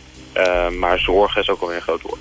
Wat is de inzet? Zal, zal de rechter eh, in het kwaadste geval het boek uit de handel nemen of schadevergoeding eh, toekennen? Of stel dat het toch niet zo goed gaat? Nou, daar denk ik eerlijk gezegd allemaal niet aan. Dat zal ook niet, niet heel snel gebeuren. Ik bedoel, dit is sowieso niet... we wonen niet in een land waarbij je niet dingen mag opschrijven. En zeker niet als ze goed onderbouwd zijn. Dus ja, ik weet niet wat de, wat de rechter... Wat de rechter zou kunnen doen is eh, eh, misschien meneer Hanegraven alsnog eh, de kans geven om in een epiloog meer ruimte te nemen of te krijgen voor een, voor, voor, om in te gaan op zijn ontkenning. Maar dat had hij van ons ook al gekregen. Dus ja, als er zoiets zou komen, zou ik hem niet zo erg vinden, eerlijk gezegd. Maar Je ik weet niet wat ik anders zou, zou kunnen voorstellen. nee. Je ziet het met vertrouwen tegemoet, eh, Ja, zal, ik er, zal ik ervan maken. En een, Ja, zeker. Een, een fascinerend boek over de wereld van het eh, wielrennen. De biografie van Thomas Dekker. Mijn gevecht. En dat is dus, eh, nou ja, nog meer publiciteit ervoor. Zo kun je het ook zien. Goeienacht, Thijs Zonneveld. Ja, dank je. Dank je, jullie ook.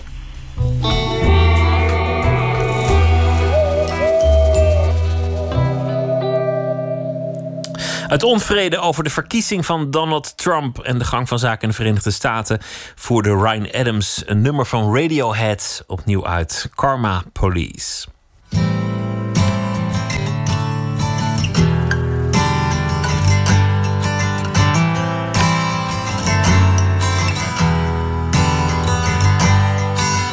Karma police, restless man talks in mass. He buzzes like a fridge, like a detuned radio.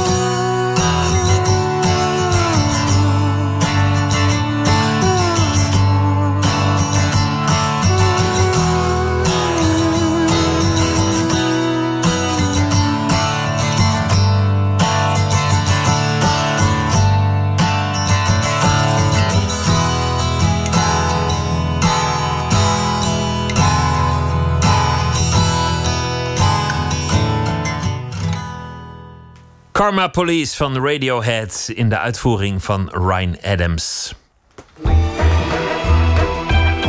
Nooit meer slapen. In Rotterdam is het Internationaal Filmfestival in volle gang. Galeries grijpen de gelegenheid aan om videokunst te laten zien. Zo ook de tentoonstelling Zij Zijn, waarvoor Rins de Jong videoportretten maakte van de groep verstandelijke gehandicapten, waar ze zelf al jaren mee werkt. Verslaggever Luc Heesen sprak Rins de Jong en twee van de geportretteerden. Een man waar ik mee een keertje in het winkelcentrum inging. En die vond mij wel leuk, dus we liepen gewoon gearmd in dat winkelcentrum. En op een gegeven moment kwam hij een man tegen die een mooi pak aan had. En hij houdt die man gewoon aan. Die man die schrok er best wel van. Van, hè, wat, is dit? Toen wees hij naar dat pak. Toen zei hij, ja, dat, dat pak wil ik hebben, want ik wil met haar trouwen. Waar heb je dat gekocht? nou ja, dat is, ja, dat is natuurlijk prachtig. Fotografe Rinse de Jong werkt als begeleider van verstandelijk gehandicapten. Het is haar beproefde methode. Ze leeft en werkt een tijd met haar modellen voordat ze de camera oppakt en werk over hen maakt. Voor een eerder project werkte ze acht jaar met demente bejaarden, daarna vijf jaar met kinderen. En voor de gefilmde portretten van haar nieuwste project Zij Zijn werkt ze al drie jaar als begeleider van verstandelijk gehandicapten. Ik breng hun naar bed, ik zet hun onder de douche, ik eh, kook voor ze, ik, zit met hun aan tafel te eten. Wat ik echt prachtig vind aan hun is dat zij zonder woorden, juist omdat ze verbaal niet zo sterk zijn, dat, dat hele lijf spreekt. Ik bedoel, als zij iets niet begrijpen, gaan die wenkbrauwen echt maal tien omhoog. Als zij iemand leuk vinden, dan gaat dat hele lijf naar voren zo van ik wil je. Uh, als ze boos zijn, nou dan, dan zal je het weten, weet je. En, en dat vind ik zo fantastisch. En ook in de nuances, in de, in hele kleine momentjes dat ze met elkaar staan te poseren. En er gaat dus bij drie mannetjes gaat er een vierde bij komen. Nou, die drie die, die weten even niet hoe ze het hebben, waar ze het zoeken moeten. Want er komt er één bij. Hoe gaan we ons ertoe verhouden? Oké, even armen om elkaar, even rug recht, even mijn haar nog even extra goed, weet je wel. Dan mag jij erbij. De jongen maakt verstilde portretten van de bewoners waar ze mee werkt. Ze vraagt ze bijvoorbeeld tegenover elkaar te gaan zitten en elkaar zwijgend aan te kijken. Of ze zet ze in een rijtje naast elkaar en voegt steeds iemand toe aan de groep. Zo ontstaan er situaties die op een subtiele manier basale reacties uitlokken. En die wil de jong vastleggen. Wij gewone mensen, wij, wij goed functionerende mensen, als je het zo zou durven uit te drukken. Uh, ik heb het gevoel dat we ons gedragen. Dat, dat we codes hebben verzonnen waardoor we het allemaal kunnen laten lopen in, in, in het leven. Wat volgens mij ook wel handig is, want als we allemaal gewoon puur op onze driften en instincten gaan, wordt het uh, volgens mij ook wel een zootje. Tegelijkertijd heb ik ook het gevoel dat we aan iets voorbij gaan. Wat zo mooi is aan hun, is dat ze dus ook, ze kunnen heel even poseren, maar ze, laten daar, ze verraden zichzelf daar acuut in. Ze zitten gewoon in het moment. Dus dan komt het leven er gewoon weer doorheen. Terwijl de tentoonstelling wordt opgebouwd, kijken we naar het werk. Drie schermen hangen naast elkaar. Op elk scherm zit één duo zwijgend tegenover elkaar. Een krappe 20 centimeter tussen hun hoofden. Geen ontsnappen aan dus. En de vraag is, wat ontstaat er voor interactie? Bij het duo op het linkerscherm heeft de man een list bedacht om de vrouw tegenover hem niet aan te hoeven kijken. Zodra de camera aangaat, omhelst hij haar.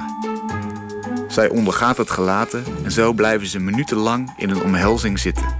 Joh, weet je wat, ik, ik schiet gewoon in die omhelzing, dan, dan ben ik daar vanaf. En uh, nou, die andere dame vond dat wel uh, goed.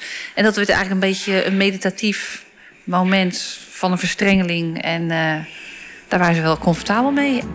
Op het middelste scherm zien we twee mannen zitten die beduidend meer interactie hebben. Nou, dit uh, zijn twee mannen die uh, echt ontzettend veel jaren met elkaar uh, gewoond hebben in, in, in, de woonvorm waar ik dus werk.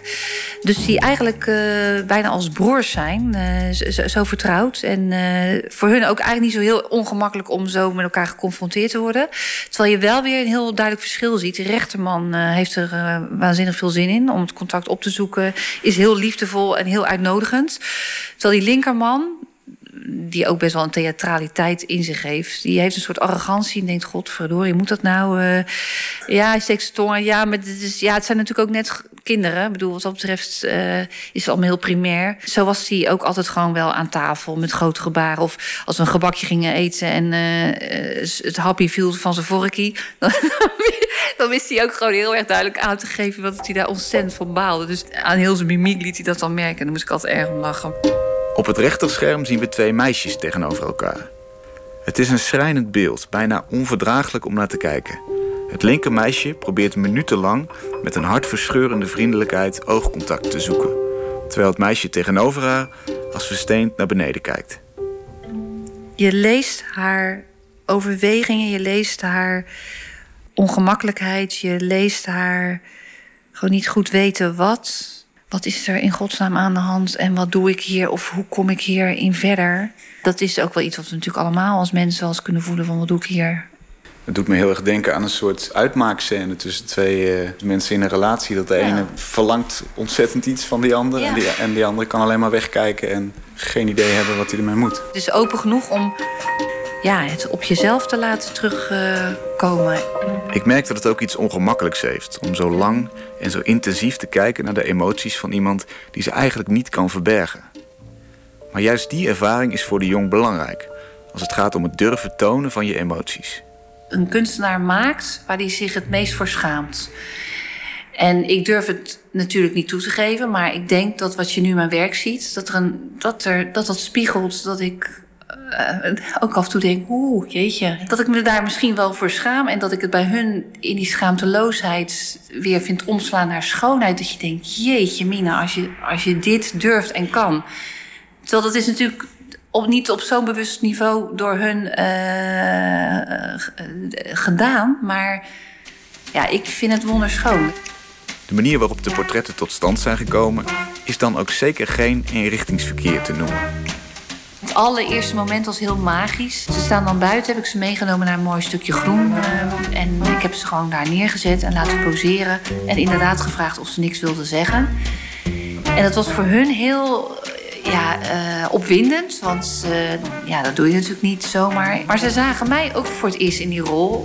Met zo'n ja, best wel professionele camera. Met een microfoon erop, een statief, koptelefoon. En dat moment heen en weer was super leuk. Uh, was zouden iets van wauw, wat neemt ze ons serieus. Maar ook van wat staat ze daar nou te doen. En dat was eigenlijk voor mij precies nodig om hun te observeren met hoe ze op mij of de camera en op elkaar zouden gaan reageren.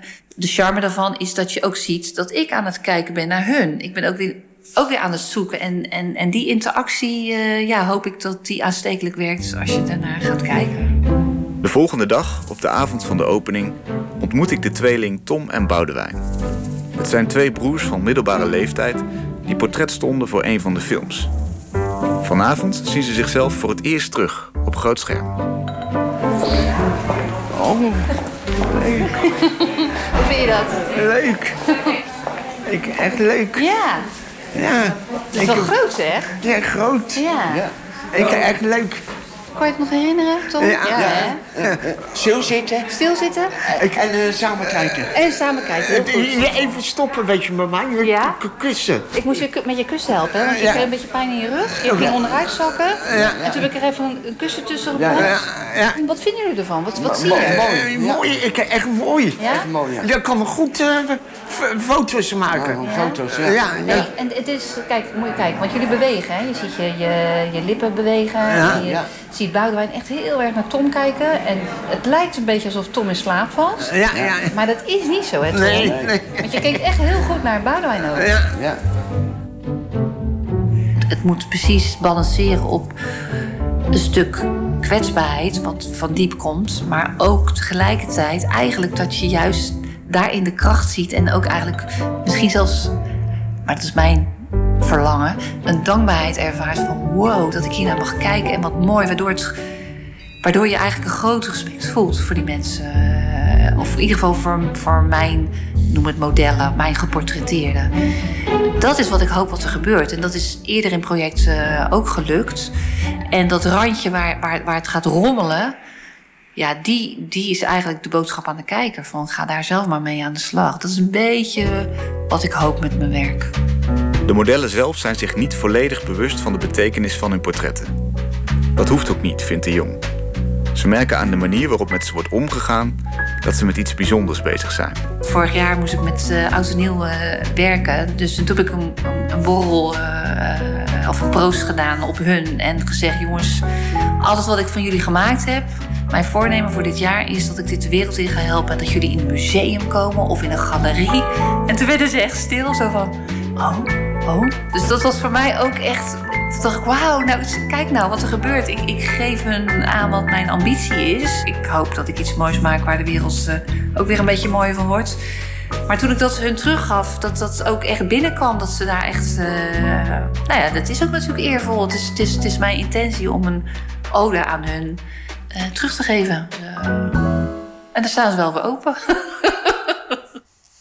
De tentoonstelling Zij zijn van Rins de Jong is te zien nog tot en met zondag. En verdeeld over twee locaties: Galerie Kokkie Snoei en Herenplaats, allebei in Rotterdam. Een bijdrage van Luc Hezen. Lucinda Williams groeide op in Louisiana. En haar eh, vroege werk gaat allemaal over foute vriendjes of soms niet foute vriendjes. En de locaties waar zij zich bevonden, vandaan kwamen of naartoe gingen in die omgeving. Zo ook dit nummer, Lake Charles.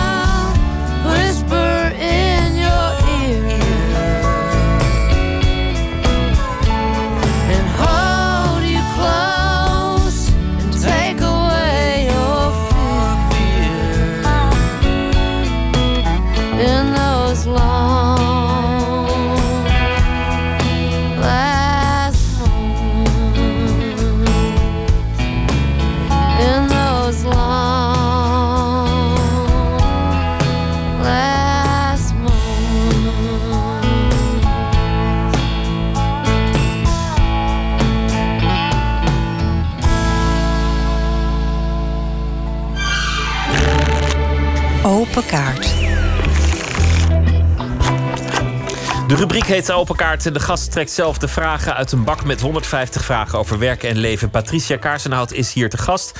Kunstenaar en cultureel activist mag je er ook noemen. Was een moment in haar leven, de middelbare school in Den Helder. En de geschiedenisleraar die zei dat hoofdstuk over het Nederlands aandeel in de slavernij. Dat slaan we even over. Zo belangrijk is dat niet. En dat wekte een levenslange belangstelling voor het onderwerp. Ook in haar werk. Ze onderzoekt de Afrikaanse diaspora en brengt dat in verband met het heden. Rebelse Trots is een eh, video-installatie en ook een groot wanddoek. Nu te zien in Museum Arnhem. Welkom, eh, Patricia. Ja, dankjewel. We- Weet je dat moment ook echt nog? Dat, dat, dat die leraar dat zei van... oh ja, ik heb haast, ik moet door al die lesstof heen... nou, dan slaan we dit wel even over. Eh, nou, de reden waarom hij dat zei was niet omdat hij haast had. maar eh, hij vond het gewoon niet belangrijk genoeg. Want we gingen dus wel naar eh, het Amer- Amerikaanse aandeel in de slavernij. Wat mij niet bevreemdt, want dat zie ik ook wel vaker in, in de Nederlandse samenleving. Dat er heel makkelijk gepraat wordt over slavernij in Amerika. Maar zodra het over Nederland gaat, dan, ja, dan wordt het ingewikkeld. Terwijl eh, Nederland een, een groot aandeel in het vervoer van de slaven voor de rekening nam. En niet alleen het vervoer als ik neem een pakketje aan en ik breng een pakketje weg. Maar ook eh, de handelsverantwoordelijkheid op zich nam. In die zin dat tijdens het vervoer de slaven Nederlands bezit waren en daar werden verkocht. Ze handelden daadwerkelijk in slaven. Ja, absoluut. Ja. Dat is een groot verschil. En, en dat, dat wordt, wordt inderdaad vaak nog, nogal eens overheen ges- gestapt. Ja, er wordt, eh, nou, er wordt moeilijk over gedaan. Of er wordt gezegd van, ach joh, het is al zo lang geleden. Waarom zouden we het er nog over hebben? Terwijl ik denk, als het zo lang geleden is, moeten we kunnen we het er juist over hebben. Waarom doe je er zo moeilijk over? Ehm, en ehm, ja, wat, wat ik ook nog wel wat je ook merkt in Nederland, dat er toch nog een soort tendens is van, ja, we zijn eigenlijk heel erg trots op eh, Michiel de Ruiter en eh, VOC-mentaliteit. Dus dat deel, dat wordt verheerlijkt. En dat andere deel, dat, eh, nou, dat wordt of niet over gepraat, of daar wordt ja, minimaal aandacht aan besteed. Ook in het onderwijs trouwens. De WIC-mentaliteit, de West-Indische Compagnie, de, de, de andere kant op. Ja, ook die, nog, die ook, ja. ook een stuk minder winstgevend was. Dat Ja. dat is dan nog een tweede eh, vlekje op de, op de geschiedenis. Hoe doe je dat in je werk? Want, want ehm, je ergens voor fascineren en, en ergens eh, hard voor maken is toch iets anders dan, dan kunst maken. Ja, nou ja, ik fascineer, het, het fascineert me ook omdat mijn voorouders eh, slaaf, tot slaaf gemaakt waren. Er ligt in de Oude Kerk één zwarte man begraven. En dat is een vrijgekochte slaaf. En het is een directe voorouder van mij. Hij heeft dezelfde achternaam als mijn moeder. Ik ben ook bezig met een project over hem. Ja, hoe ik dat doe. ehm, dat is inderdaad een lastig ding. Ik, ik noem mezelf ook wel pseudo-historicus. Ik vind het heerlijk om eh, onderzoek te doen. En eh, ik hou heel erg van verborgen geschiedenis eh, ehm, omhoog halen en ontrafelen. En al ehm, onderzoekende ontstaan er vanzelf ideeën. En, eh, ja, en dan is er altijd een moment waarop je een vertaalslag maakt eh, naar eh, een beeld. En dat is, dat is een lastig moment. Ik kan daar ook niet een, ehm, een ingrediënt voor geven. Maar dat is iets wat ja, een beetje balanceren is tussen eh, intuïtie en intellect. Wat, wat er nu in Arnhem te zien is bijvoorbeeld, hoe, hoe, hoe is het daar gegaan, die rebelse trots? Ik was onderzoek aan het doen voor een ander project. En per toeval, ja, voor zover dat bestaat. Serendipiteit, is ze dat ook wel, hè? vind ik een mooi woord. Zoeken naar het een en zomaar iets anders vinden? Ja, dan geluk hebben dat je iets anders vindt. Toen stuitte ik per ongeluk op eh, het verhaal van deze hele belangrijke groep vrouwen. Die, eh, de ZMV-vrouwen, de zwarte migranten- en vluchtelingenvrouwen. Die in de jaren tachtig zich verenigden. En heel actief waren in Nederland. En zij, vonden zich niet, zij konden zich niet vinden in de witte feministische strijd. Omdat zij ook te maken hadden met eh, racisme en eh, andere vormen van ongelijkheid. Dus zij hebben zich verenigd en eh, ook voor het eerst zichzelf een naam gegeven, de ZMV-vrouwen. En hebben ongelooflijk fantastisch werk verricht. Dus ik stuitte op dat verhaal en ik dacht: wauw, waarom weet ik dat niet? Terwijl ik zelf dus actief was eh, als student in de Witte Vrouwenbeweging. Notabene in hetzelfde gebouw waar de zwarte vrouwen vergaderden. En wij zijn voortdurend langs elkaar heen gelopen zonder dat we elkaar tegenkwamen. Het is ongelooflijk, maar het is waar. Ik, heb ook, ik ben ook met een van de vrouwen teruggekeerd naar dat gebouw. En toen ja, hebben we daar weer ge- rondgelopen. En allerlei herinneringen kwamen omhoog. En ik dacht, hoe is het mogelijk dat we elkaar zijn misgelopen? Dus toen dacht ik, dan geef ik mezelf een herkansing. En ik ben ze gaan opzoeken. Ik ben eh, gaan researchen en ik heb ze allemaal, of tenminste niet allemaal, maar eh, een aantal zijn overleden. Maar eh, ik heb een aantal van de voorhoedsters gevonden, geportretteerd en geïnterviewd. En daaruit zijn dus eh, portretdoeken en ook een, een korte film is daaruit voorgevloeid. te zien in Arnhem. Je zei terloops iets, iets, iets heel interessants, namelijk dat een van jouw voorouders een vrijgekochte slaaf is en dat je ook achter zijn identiteit bent gekomen. Dat, dat gebeurt niet vaak dat je, dat je erachter komt wie precies je voorouders zijn, ook omdat dat niet allemaal heel netjes werd geregistreerd on- onder slaven.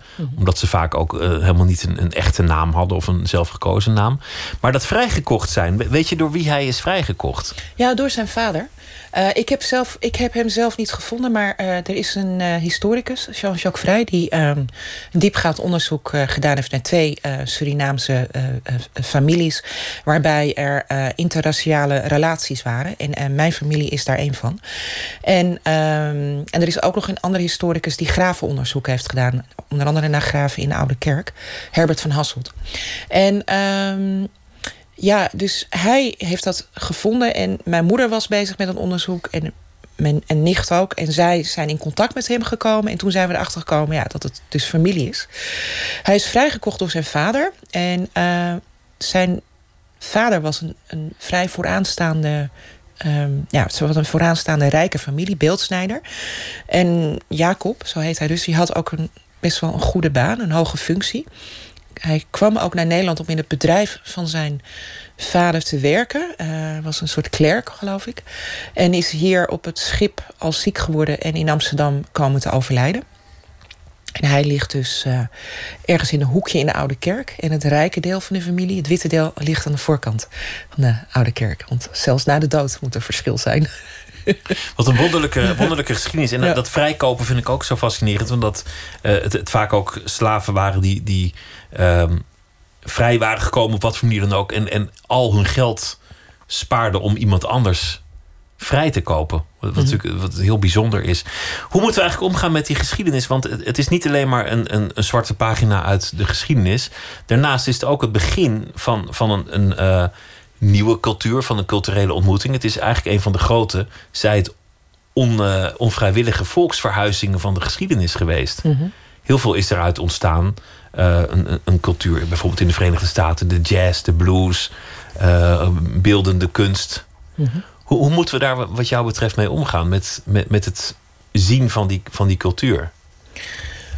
Nou, ik denk dat het belangrijk is dat je... Je kunt het eh, niet volledig loskoppelen van ook het negatieve aspect. En een van de negatieve dingen die voortgevloeid zijn uit eh, slavernij... en later het kolonialisme, dat zijn dingen als racisme. En ehm, ook eh, het scientific racism, waarin het eh, racisme wetenschappelijk onderbouwd en onderlegd werd. Dus veel kunstenaars, muzici, hebben vanuit een gemarginaliseerde, onderdrukte positie kunst en muziek gebruikt om zich te uiten. En dat wordt heel vaak vergeten. Ook met rap bijvoorbeeld. Dat wordt dan mainstream gemaakt. Maar de noodzaak waaruit rap ontstaan is, dat is vanuit onderdrukt zijn. Ehm, en ook de jazz en de blues, maar ook veel kunst. Dat wordt vergeten en het wordt mainstream gemaakt. En wat ik zou willen is dat eh, er. ehm, ja, dat er gewoon beter historisch onderwijs wordt gegeven. En dat we eh, een vak als critical thinking krijgen op school. En ook eh, leren om ehm, te luisteren en te kijken naar filosofen uit bijvoorbeeld andere culturen. Eh, Stuart Hall heeft ooit wel eens geschreven. Stuart Hall is een bekende eh, Engelse de- denker uit eh, het British eh, Caribbean, uit de British Caribbean. En hij zei onder andere: eh, er is een relatie tussen eh, eh, dominantie en representatie. Dus degene die dominant is, die bepaalt hoe de ander gerepresenteerd wordt. En als je dat soort dingen niet weet, dan kijk je eigenlijk met een hele beperkte blik ehm, naar een cultuuruiting waar een hele diepe laag onder zit. We moeten het eh, zien en niet, niet, niet verbergen. Hier is de kaartenbak, want dat is eigenlijk de aard van deze rubriek. Ehm, ik wil je vragen om één kaart te trekken en de vraag eh, voor te lezen. Oh, dat is een leuke. Wat vind je lelijk aan jezelf? Eh, Nou, kom maar op. Ehm, nou, eigenlijk niks. Ik ben heel erg tevreden met mezelf. Dus ik. ehm, Altijd al geweest? eh, nee. Nee, natuurlijk niet. Nee, want eh, ik, ook ik ben een eh, product van een, eh, een, eh, een systeem. En ik wilde vroeger ja, een witte huidskleur hebben. En ik wilde blond zijn en blauwe ogen hebben. Ik wilde niet anders zijn. En, eh, dus ik vond mijn kleur niet mooi. En ik vond mijn haar niet mooi vroeger.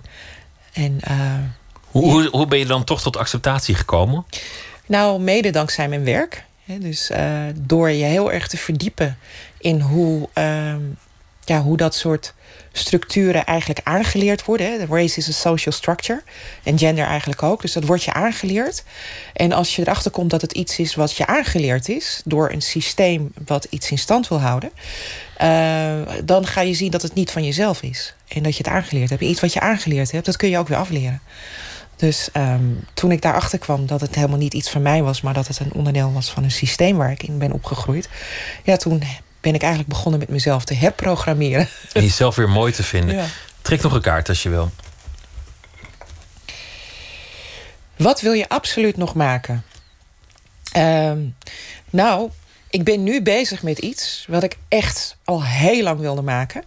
En ehm, ik ben een werk aan het citeren van een bekende ehm, Joods-Amerikaanse kunstenares, Judith Chicago, The Dinner Party. Het is een heel groot kunstwerk, heel belangrijk geweest voor het popular feminism.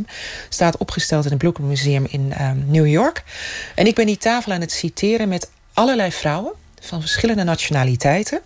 Maar dan gaan we women of color eren. Dus het wordt een commemoration tafel voor, eh, voor en door women of color. En met name eh, vrouwen die eh, gemarginaliseerd zijn, maar ook ehm, eigenlijk weggevaagd zijn uit de geschiedenis. Echt letterlijk. Uitgegumd. Ja, letterlijk. Zij hebben gestreden voor vrijheid tijdens slavernij, tijdens het kolonialisme. Maar ik ga al terug eh, tot de 10e eeuw voor Christus, waarin vrouwen ook al eh, strijd- eh, eh, streden voor rechtvaardigheid en voor een rechtvaardige samenleving en voor gelijke rechten. Ehm, en ik heb, ik heb 36 vrouwen gevonden. Er zijn er nog veel meer, maar 36 eer ik aan die tafel. En ik ben nu bezig om de prins te maken. En dan half februari vlieg ik naar Senegal. En dan laat ik het inborduren door meisjes daar, door lokale vrouwen. Daar werk ik ook vaker mee om die ook te empoweren. En eh, dus daar ben ik nu heel erg intens mee bezig. Want het is een heel groot project. En ehm, ik laat ook mannen hier aan meewerken. Er komt een performance met 36 mannen. Waar ik kostuums voor heb ontworpen. En eh, in de kostuums op de voering is de geschiedenis van die vrouwen geprint. Dus de mannen dragen letterlijk de geschiedenis van de vrouwen op hun lichaam. En tijdens de opening ga ik de mannen een performance laten doen. Waarin zij eigenlijk deze vrouwen gaan eren. Oh, dat klinkt interessant. Neem nog een kaart. Waar lig je van wakker? Van dit project? Ja, echt waar? Ja, echt. Wat, wat zijn de zorgen?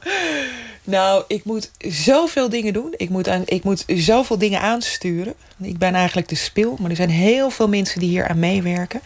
Dus ik moet overal aan denken, overal op letten. eh, alle ontwerpen maken. eh, zorgen dat iedereen met elkaar in contact komt. ehm, de vergaderingen regelen. ehm, nou, je wilt niet weten hoeveel dingen ik moet doen. En ik moet echt aan alles denken.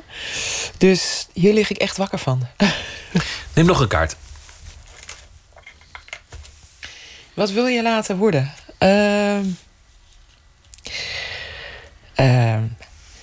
oud en wijs. Oud en wijs.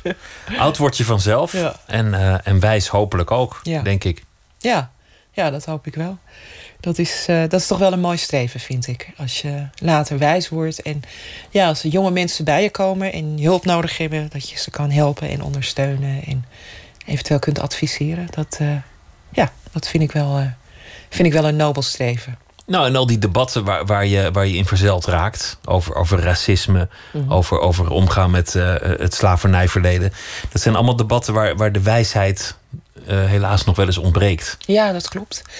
En eh, nou ja, ik hoop ook dat ik daar inderdaad ook een steentje in kan bijdragen. Om te, in ieder geval te zorgen dat het niet polariseert. Maar dat we wel, dat we ook niet bang zijn voor het ongemak over het onderwerp. Om, het is een ongemakkelijk onderwerp, maar daar moeten we niet bang voor zijn. eh, om dat ook aan te gaan met elkaar. En eh, we hoeven ook niet bang te zijn voor boosheid. Of eh, we hoeven ook niet bang te zijn voor verdriet. Want dat zijn allemaal menselijke emoties die er gewoon bij horen. En, maar we moeten alleen niet stoppen. Op het moment dat er iemand boos is of dat er verdriet is, moet je juist doorgaan met elkaar om uiteindelijk weer dicht bij elkaar te komen. Het is natuurlijk ook niet alleen een debat, eh, bijvoorbeeld de slavernij, dat gaat over, over eh, eh, blank of zwart of, of Afrikaan of Europeaan. Het gaat ook over hebzucht en, Ja. en onderdrukking of, of groepsdenken. Mhm. Het, het zijn meer algemene menselijke eigenschappen en daardoor zijn ze ook weer relevant voor voor het heden om, om, om te beschouwen. Ja, zeker. Het, het, dat, ehm, ehm, het, ja, het, zeker. En het gaat ook over, ja, het gaat ook over macht en onmacht. Hè? En dat er, het is gewoon heel naar dat er eigenlijk een hele kleine groep mensen heel veel macht heeft in deze wereld. En ja, eigenlijk bepalen dat er een hele grote groep mensen onmachtig is. En ehm, ja, dat onrecht, dat, ja, dat, dat is wel iets waar ik voor blijf strijden tot, tot ik dood ben. Of misschien nog wel daarna. Maar ehm, ik, ik wil echt dat de wereld wel rechtvaardiger wordt. Ja, voor iedereen. Te zien in eh, Arnhem, in het Museum Arnhem, Rebelse Trots, Patricia Kaarshout. Dank je wel. Graag gedaan. De Ierse band Villagers werd door zanger Conor O'Brien geformeerd nadat zijn eh, band daarvoor, de Immediate, uit elkaar was gegaan.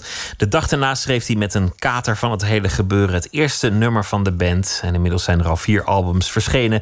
Van het eerste album Becoming a Jackal luisteren we naar het nummer met dezelfde titel.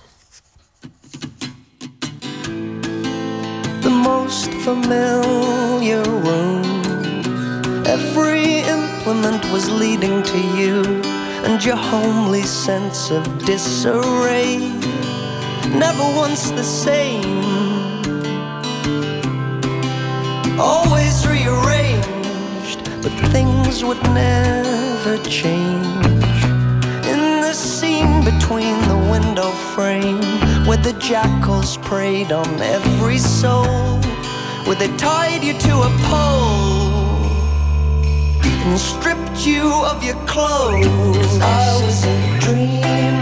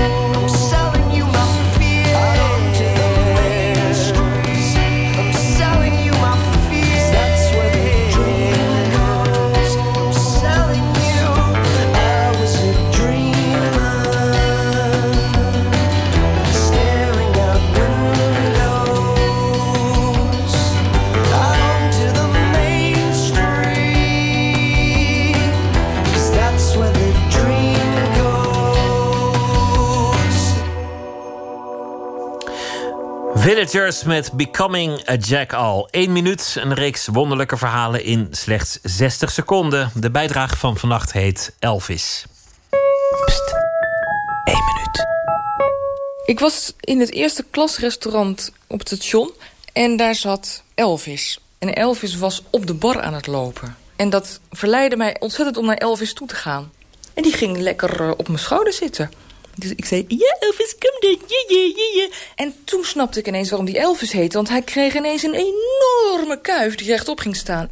Dat beest begint te krijsen en te pikken in mijn hals. Dus ik deed mijn ogen dicht. En toen ging hij op mijn hoofd zitten en heel hard aan mijn haar trekken. En toen voelde ik ook nog nattigheid. Toen dacht ik, hij gaat op me plassen. En het gekke was, ik was helemaal niet bang. Ik was wel nieuwsgierig. En het, ik vond het eigenlijk wel spannend.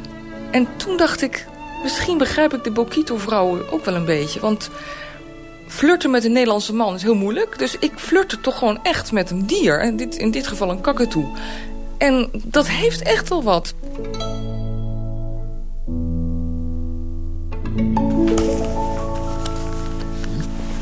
Eén minuut gemaakt door Joost Wilgenhof.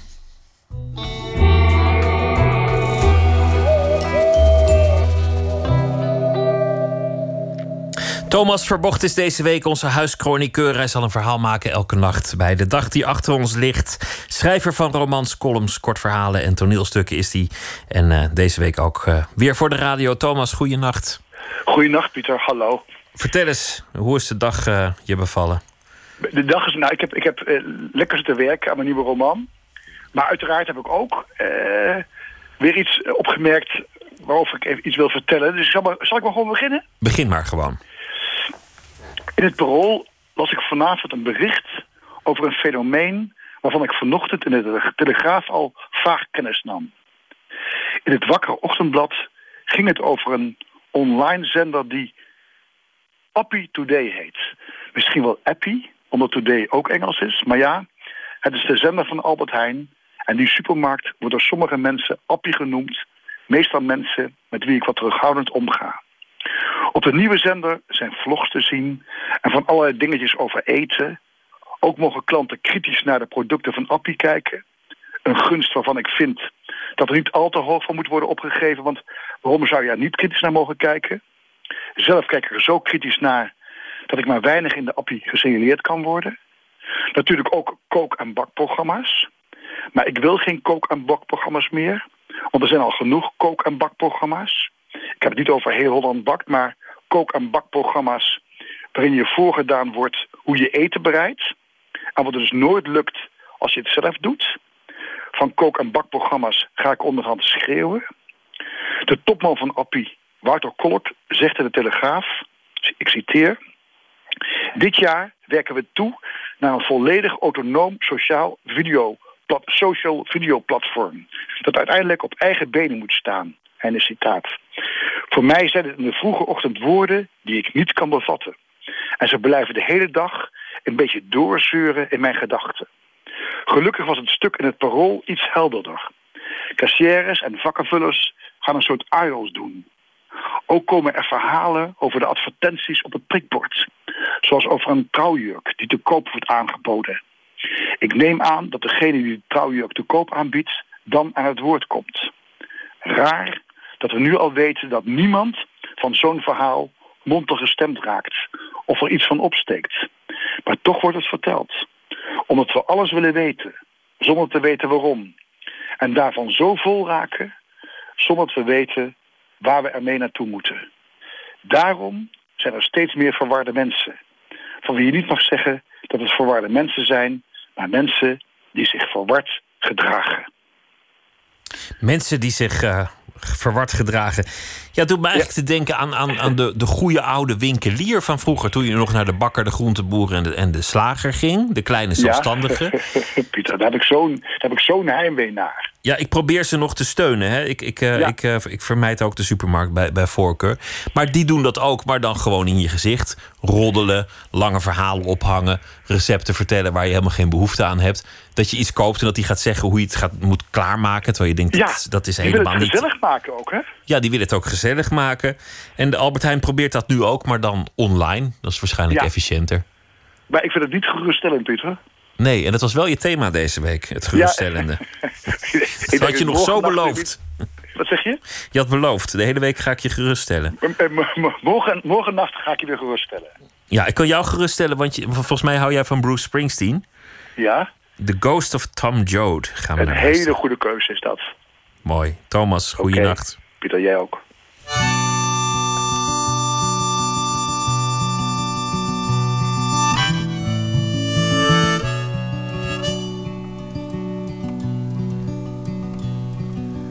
Men walking along the railroad tracks. Going someplace and there's no going back. Highway patrol choppers coming up over the ridge. Hot soup on a campfire in the bridge. Shelter line stretching round the corner. Welcome to the new world order. Sleeping in their car in the southwest. No home, no job, no peace, no rest. Well, the highway is alive tonight. But nobody's kidding nobody about where it goes. I'm sitting down here in the campfire line. Searching for the ghost of Tom Joe. Pulls a prayer book out of his sleeping bag. Preacher lights up a butt and takes the drag. Waiting for when the last shall be first and the first shall be last. In a cardboard box neath the underpass. Got a one-way ticket to the promised land.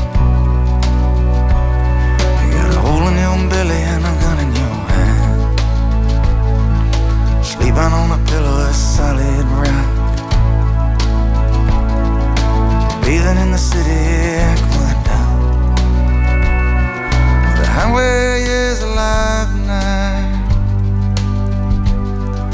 The way it's headed, everybody knows. I'm sitting down here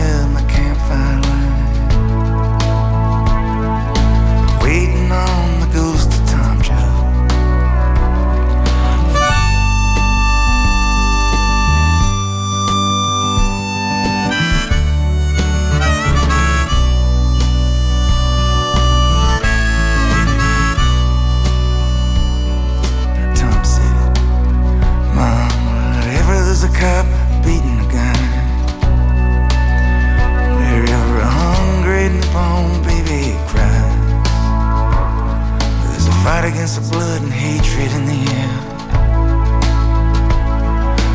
Look for me, Mom, I'll be there. Where there's somebody fighting for a place to stand. A decent job or a helping hand. Maybe somebody struggling to be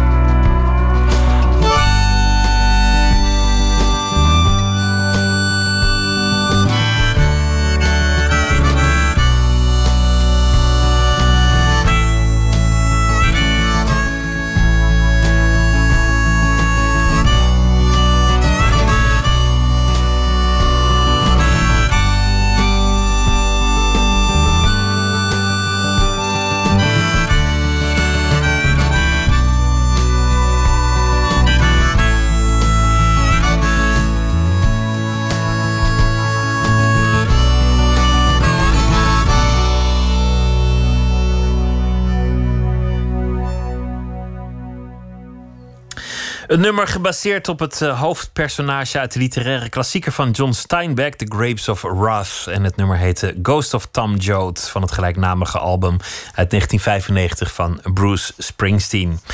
Morgen in Nooit meer slapen komt historicus James Kennedy op bezoek. Hij heeft een Nederlandse moeder en groeide op in de Verenigde Staten in het eh, stadje Orange City. Ooit vernoemd naar de Nederlandse koning Willem III. En met zo'n achtergrond kon het dan ook haast niet anders of hij zou gefascineerd worden door Nederland en ging zich specialiseren in de Nederlandse geschiedenis. Zijn eerste boek dat be- bekend werd in Nederland ging over de jaren 60 hier. En deze week verschijnt eh, zijn laatste boek, Een beknopte geschiedenis van Nederland. Hij bekijkt er eh, in de geschiedenis van Nederland vanaf de vroegste momenten tot het heden en probeert te laten zien wat Nederland zo uniek maakt. En daar gaan we morgen over praten. En wellicht komen we ook nog te spreken over de Verenigde Staten, waar de geschiedenis ook weer eh, zijn loop aan het nemen is op dit moment. Dat allemaal eh, morgen in Nooit meer slapen wens ik u nu een hele goede nacht en morgen een leuke dag. En ik hoop dat u morgen weer zult luisteren. En eh, u kunt ons vinden op Twitter, het VPRO NMS en op Facebook. En de podcast is down te loaden via iTunes of de website van de VPRO, vpro.nl slash nooit meer slapen. En zometeen kunt u luisteren naar De Vara met Topradio op NPO Radio 1. Veel plezier daarbij, een hele goede nacht en graag weer tot morgen.